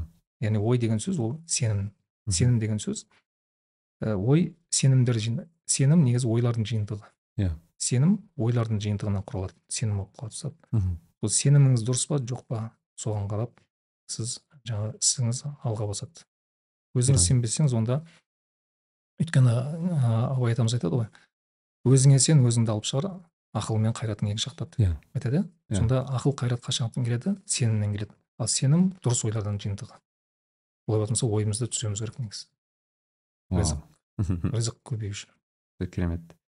Ыыы мынандай сұрақ ыыы сіз мысалы мынандай ыыы сөз жазыпсыз да адамдарда ризық келмейді емес адамдар ризық көзін көрмейді. Деп ол шынында да сондай. көзін көрмейді яғни өйткені көрмеу мен- менде сұрақ иә себебін айтып жіберсеңіз. Махатма ганди бір сөзінде айтып өткен.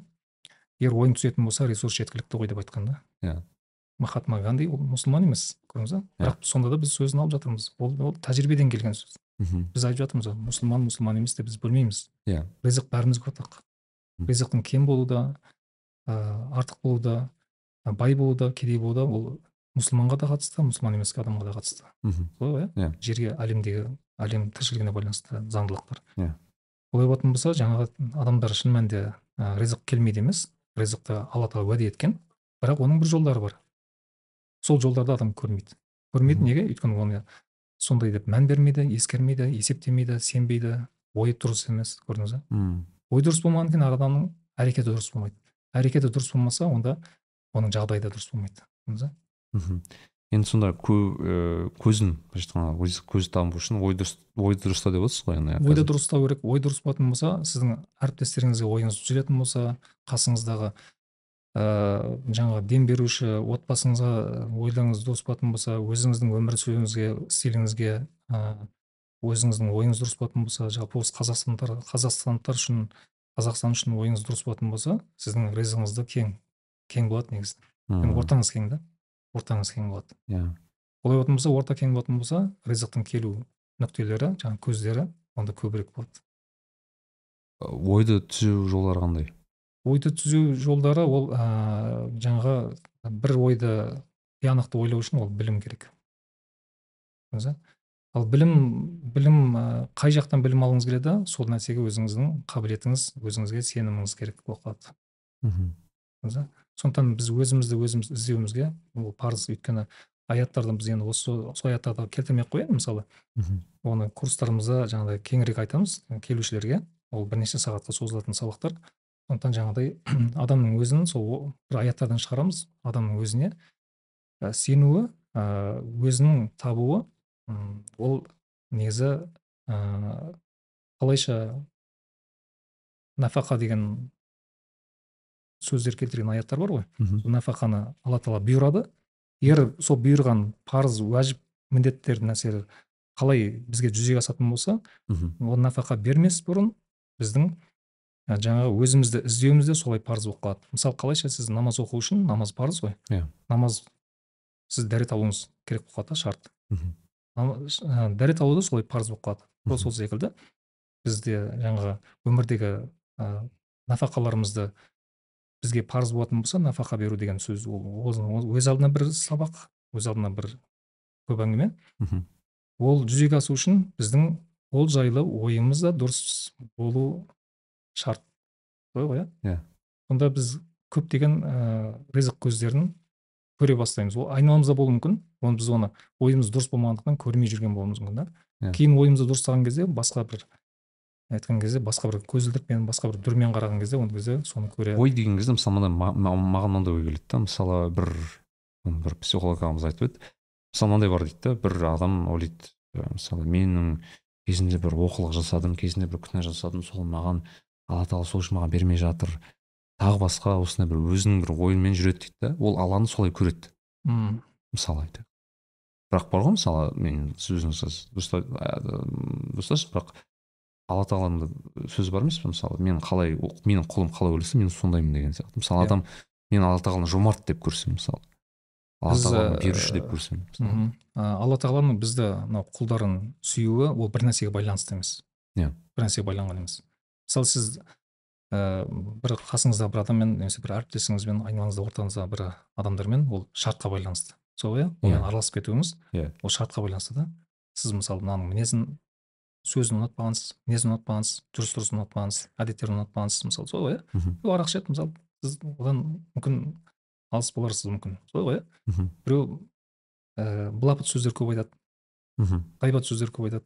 Әдепсіздік жасайды мысалы көрдіңіз ба иә. Көшеде келе жатып мысалы қолындағы нәрсесін ііі жаңағыдай арнайы орын емес көшеге тастай салады содан алыстап кетуіңіз мүмкін да.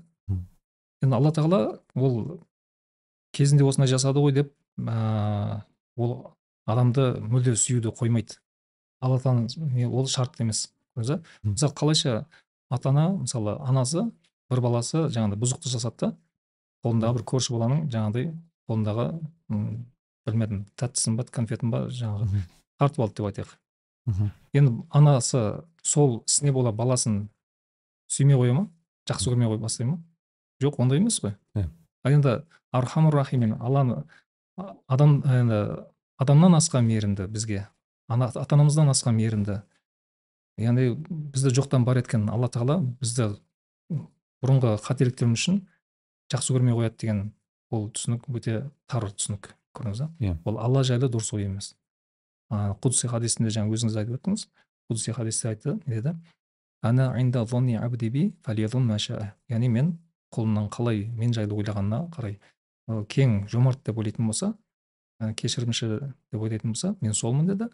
Жоқ ол сараң ол кедей жаңағыдай қателікті кешірмейді деп ойлайтын болса мен оған ісінде Сондаймын. солаймын деп айтты соны өзі біледі деді. Енді алла тағалаға жақсы пікірде болуымыз керек әрқашан. Әрине әрине. Мхм. Ол өйткені ана ой тазару дегенге кішкене келіп жатыр да менде. Шынымен ыыы бір адам достарым достар деп айтпаймын бір, і кейбір ыыы адамдармен кездестірдім өмірде сол кезде солай ой кеткен кезде ойынан қайтару да қиын да. Мм мен кезінде бүйттім ғой сөйттім ғой сен мен айтамын енді сен алла тағаланың орнына шешпесе деймін да. Ол құдай мм ол патша біз құлмыз дегендей. Біз де дұрыс өзіміздің рөлімізді білуіміз керек деген сияқты бұл теңдеуде. Иә біз енді алланы кең әлемді кең әлем ә, деп сол ойымызды дұрыстайтын болсақ Иә. ә, ризық беруші алла тағала ә, ол әлем арқылы қоршаған орта арқылы келеді бізге Иә. ризық сол ғой Иә. ол кезде біздің келген ризығымыз да көп және таза болады да әрине көрдіңіз ба жаңағы бұлақтағы ә, судың құбырымен жеткен секілді мысалы сондықтан ойымызды айнала арқылы айнала айналамен де жалпы адамдармен де ә, алла тағаламен де ойымызды таза ұстайтын болсақ ризық та солай сапи түрде таза күйінде бізге молшыл мол түрінде келеді. Керемет. Соған сену керек. Иә алла разы болсын ұстаз. Осындай керемет э, өте терең тақырыпты болды деймін. Ә, өзім зерттеген осындай бір өте көп сұрақ мені мазалаған тіпті сұрақтар деп айтайын. Енді сіздің ә, бір кітабыңыз шықты. Мхм. Ыыы машалла өзі көп сатылым деп естіп жатырмын. Енді сіздің келесі жоспарыңыз қандай қандай тақырыпты зерттеу жалпы қай тақырыпты ашу осы тақырыпта тағы да біз бұл ә, оқырмандар оқып жатқанмен де ә, тағы бір осы тақырыптың ішіне кіруге ойымыз бар. Ә, ол жаңағы табыс деген ә, ойлап жатырмын осы табыс деген оймен шығарамыз. Немесе нафақа деген оймен. Тағы да ғой былайша айтқанда қазақша. Нәпақа дейді ғой нафақа нафақа яғни Иә. көрдіңіз ба яғни нафақа деген сөз былай айтқан кезде сіздің өз кәсібіңіз үшін Иә. мысалы айтқан кезде беретін жұмсайтын ақшаңыз. Сіз сол Иә. кәсібіңізге қаншалықты жұмсасаңыз мысалы курс сатып алсаңыз немесе кітап сатып алатын болсаңыз немесе жаңағыдай құрал жабдықтар алатын болсаңыз осы құралды микрофонды алу сіздің шығарған ақшаңыз ол сіздің нафақаңыз. Егер нафақа шығармасаңыз онда құрал болмайды. Құрал болмаса онда сұхбатымыз сапасыз болады да оқырмандарға сапасыз ақпараттар жетеді. қазіргі тілмен айтсаң бір инвестиция деп айтатын сөз инвестиция салым салым. Салым мхм. Яғни дұрыс салым ә, жасамайынша өйткені құранда айтады. Иә. яғни сендер дұрыс салым жасамайынша нафақа жас- жасамайынша өздерің жақсы көретін нәрседен әсіресе. Мхм. жақсылыққа жетпейсіңдер деп айтады. Қашан жақсылыққа жетеміз? Онда нафақа беруіміз керек. Көп кәсіпкерлер мысалы кәсіпті енді бастаған адамдар осы заңдылықты білмейді дағы содан кейін не істейді? Жаңағыдай керек нәрселерге ақша жұмсағысы келмейді. Иә. Ә, керек емес нәрсені қазірше керек емес нәрсені үлкен жаңағы джип болсын үлкен көліктер болсын жаңағы өзінің кәсіпкер қажет емес көрсету, мақсатында сөйтіп сатып алады ары қарай бизнеске деген кәсіпке деген өзінің нәпақасын орынды бермей қояды. Содан кейін ке- сәйкесінше ол бизнес ол кәсіп. Мысалы мүмкін ыыы бағанағы береке деген сұрақтарды да қозғайтын шығар өйткені мысалы мен мен өзім жеке өмірде көрген мәселе ол. Бір үлкен ірі кәсіпкер ағамызды көрдім. Ол кісінің мысалы өмірлік ұстанымы андай болады екі азат болғанда ә, ол ә, шүкір ету дейді да енді өзінің өзінің айтқан формула шүкір ету дейді. И ә, не ысырап етпе дейді да бұл екі ақ формула дейді да кез келген істі бастаймын. Жетеді өмірге жетеді сол. Сол маған осы Иә, осы формула жетеді ол кісі өте үлкен і, Мгм. кәсіппен айналысады. Менде осы ақ бар формулам дейді да мен кез келген істі Ә, ысырап өтпеуге тырысамын дейді да. әрине. Мен де мысалы осы университетте сабағыма және де курстар сабағыма айт- айтамын бір аяттарды келтіріп осыны орындайтын болса адамға өмірі жеткілікті деп айтамын. Өкінішке апармайды яғни өмір сапалы. Ол деген сөз не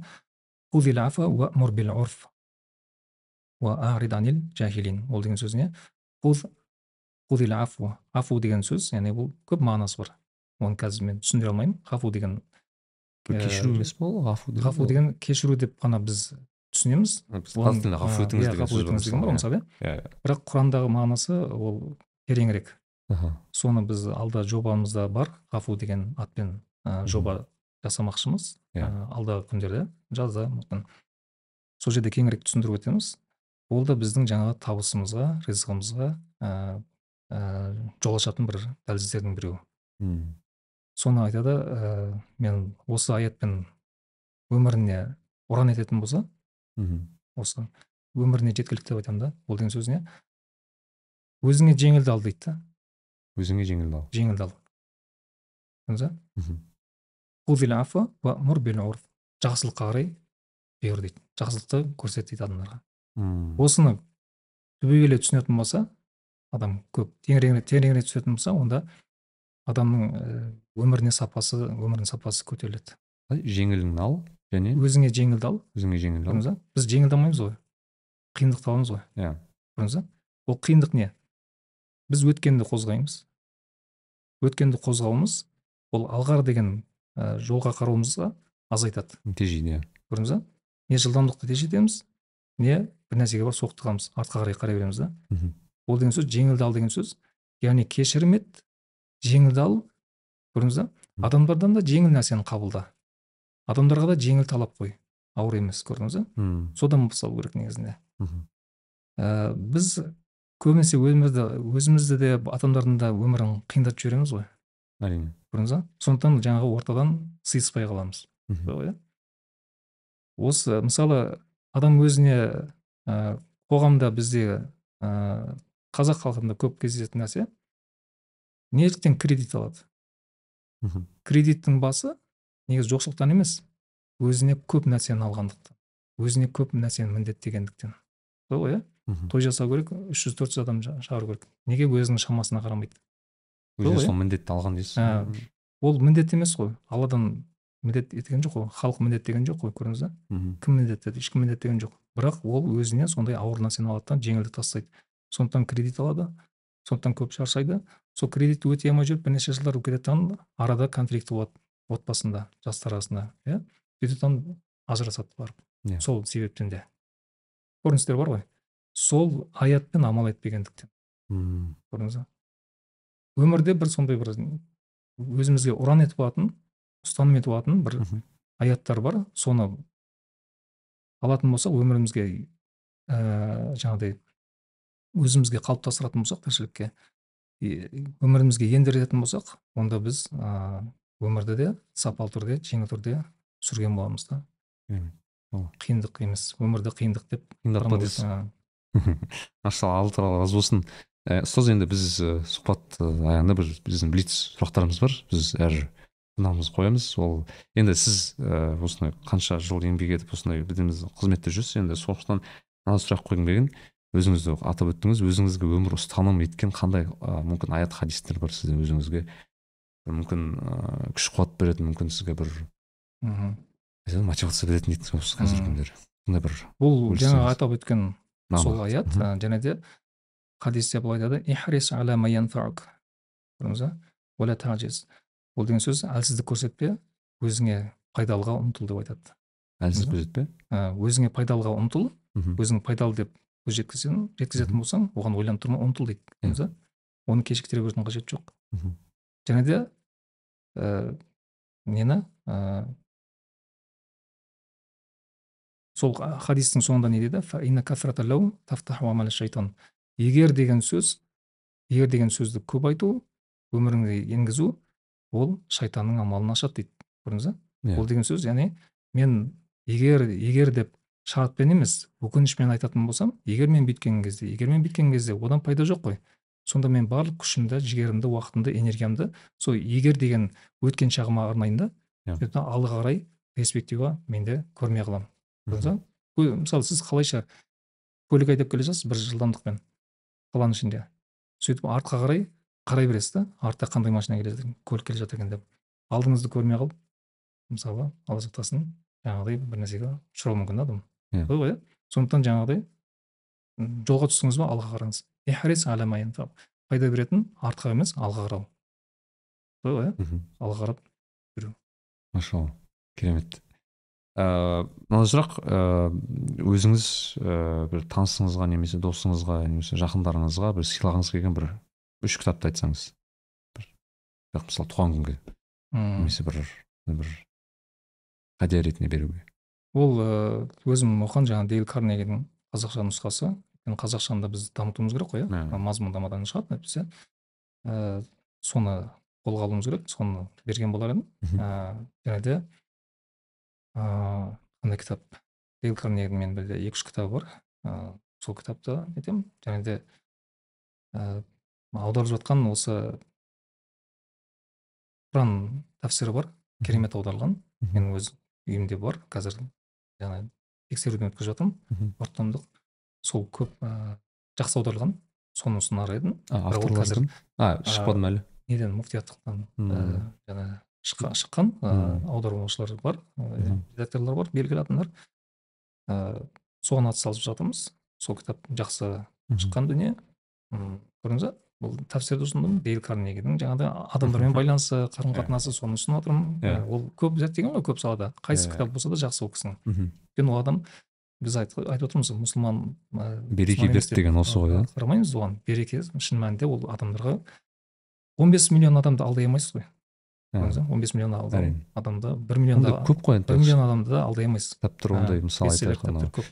Демек адамның оқырманның жүрегінен ә, табиғатынан орын тапқан да Ә, және де осы кітабымызда біз ұсынамыз ол мен менмендік емес бұл жерде. Ол жалпы қазіргі кезде керек кітаптар. Ол менің ә, жаңағыдай бір мақтану емес. Мақтан мақтанды десе мақтанды деп айта берсін маған бір адамның ойы маған әсер етпейді. Ә, ә, осыны алсын ары қарай келесі кітаптарды ұсынатын кітаптарды одан кейін көре жатамыз. Қайсысын ұсынатынымыз. Керемет.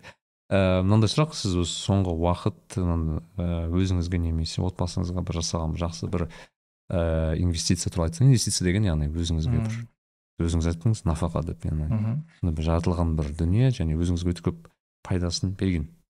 Аха. Жалпы ә, біз мысырда жүрген кезде ә, ұлымыз бен қызымызды жоғары мектептерде оқыттық. Өйткені мысырда көп адамдардың жаңағыдай ә, балалары ә, сапасы нашар мектепте оқыды. Елу алпыс бір сыныпта елу алпыс адам оқиды бұл жерде. Адам көп қой өйткені.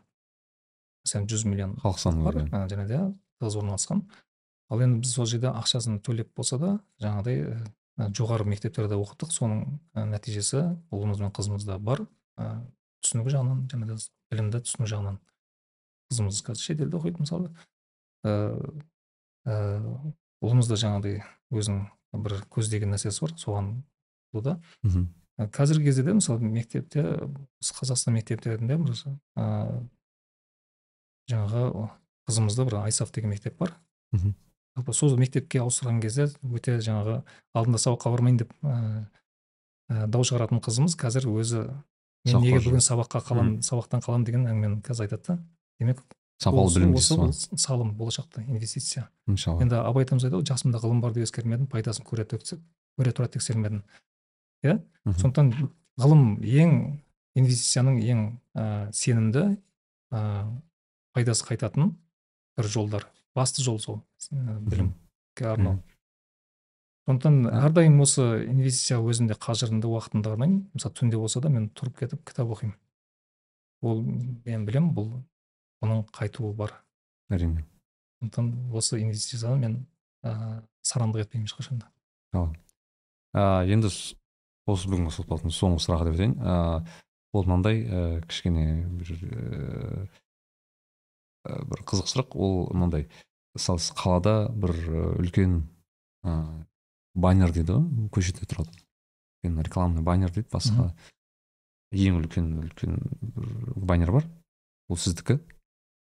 Кез келген зат қоя аласыз. Кез келген бір ә, дүниені ала аласыз. Ә, өзіңіз қандай бір ой салар едіңіз сол жерге? Не- немесе қандай бір жазу немесе сурет қояр едіңіз? Ә, пайдалы болу деген сөз. Пайдалы а, жазып қойдым мен пайдалы бол деген сөз. Бұл. Өйткені шәкәрім атамыз айтады келдім қайдан? Қайтсем пайдам өлгеннен соң не боламын дейді. Көрдіңіз ба? Ортада тұр қайтсем пайдам қайтсем пайдам яғни адам өмірінің ортасына келген кезде пайда қалай пайда етсем қалай пайда беремін деген. Пайдамен өзінің табысы да ризығы да кеңейеді. М. адамдарға да аллаға да жақындығы артады. Иә сондықтан ә, осындай бір керемет уақыт өткізіп тыңдағаныңызға көп рахмет. Және де ұстаз өзіңіз келіп осындай өте алтын уақытыңызды осындай пайдалы білім бізге беріп айтқаныңызға рахмет. және де бұл біздің ә, соңғы емес әлі де талай жазылатын сұхбаттар алла қаласа деп ойлаймын. және де жаңадан кітаптар күтеміз. Иншалла. Ал тыңдармандарға осы құрманғазы ұстаздың парақшасына жазылуға кеңес беремін. және осы біздің бүгінгі подкастымызға лайк басып басқа да бөлісіп достарыңызбен бөлісіп пікір қалдырып ыыы осылай пайдалы уақыт өткізейік иншалла. Алла разы болсын иншалла. Алла разы болсын. баршаңызға ассалаумағалейкум. you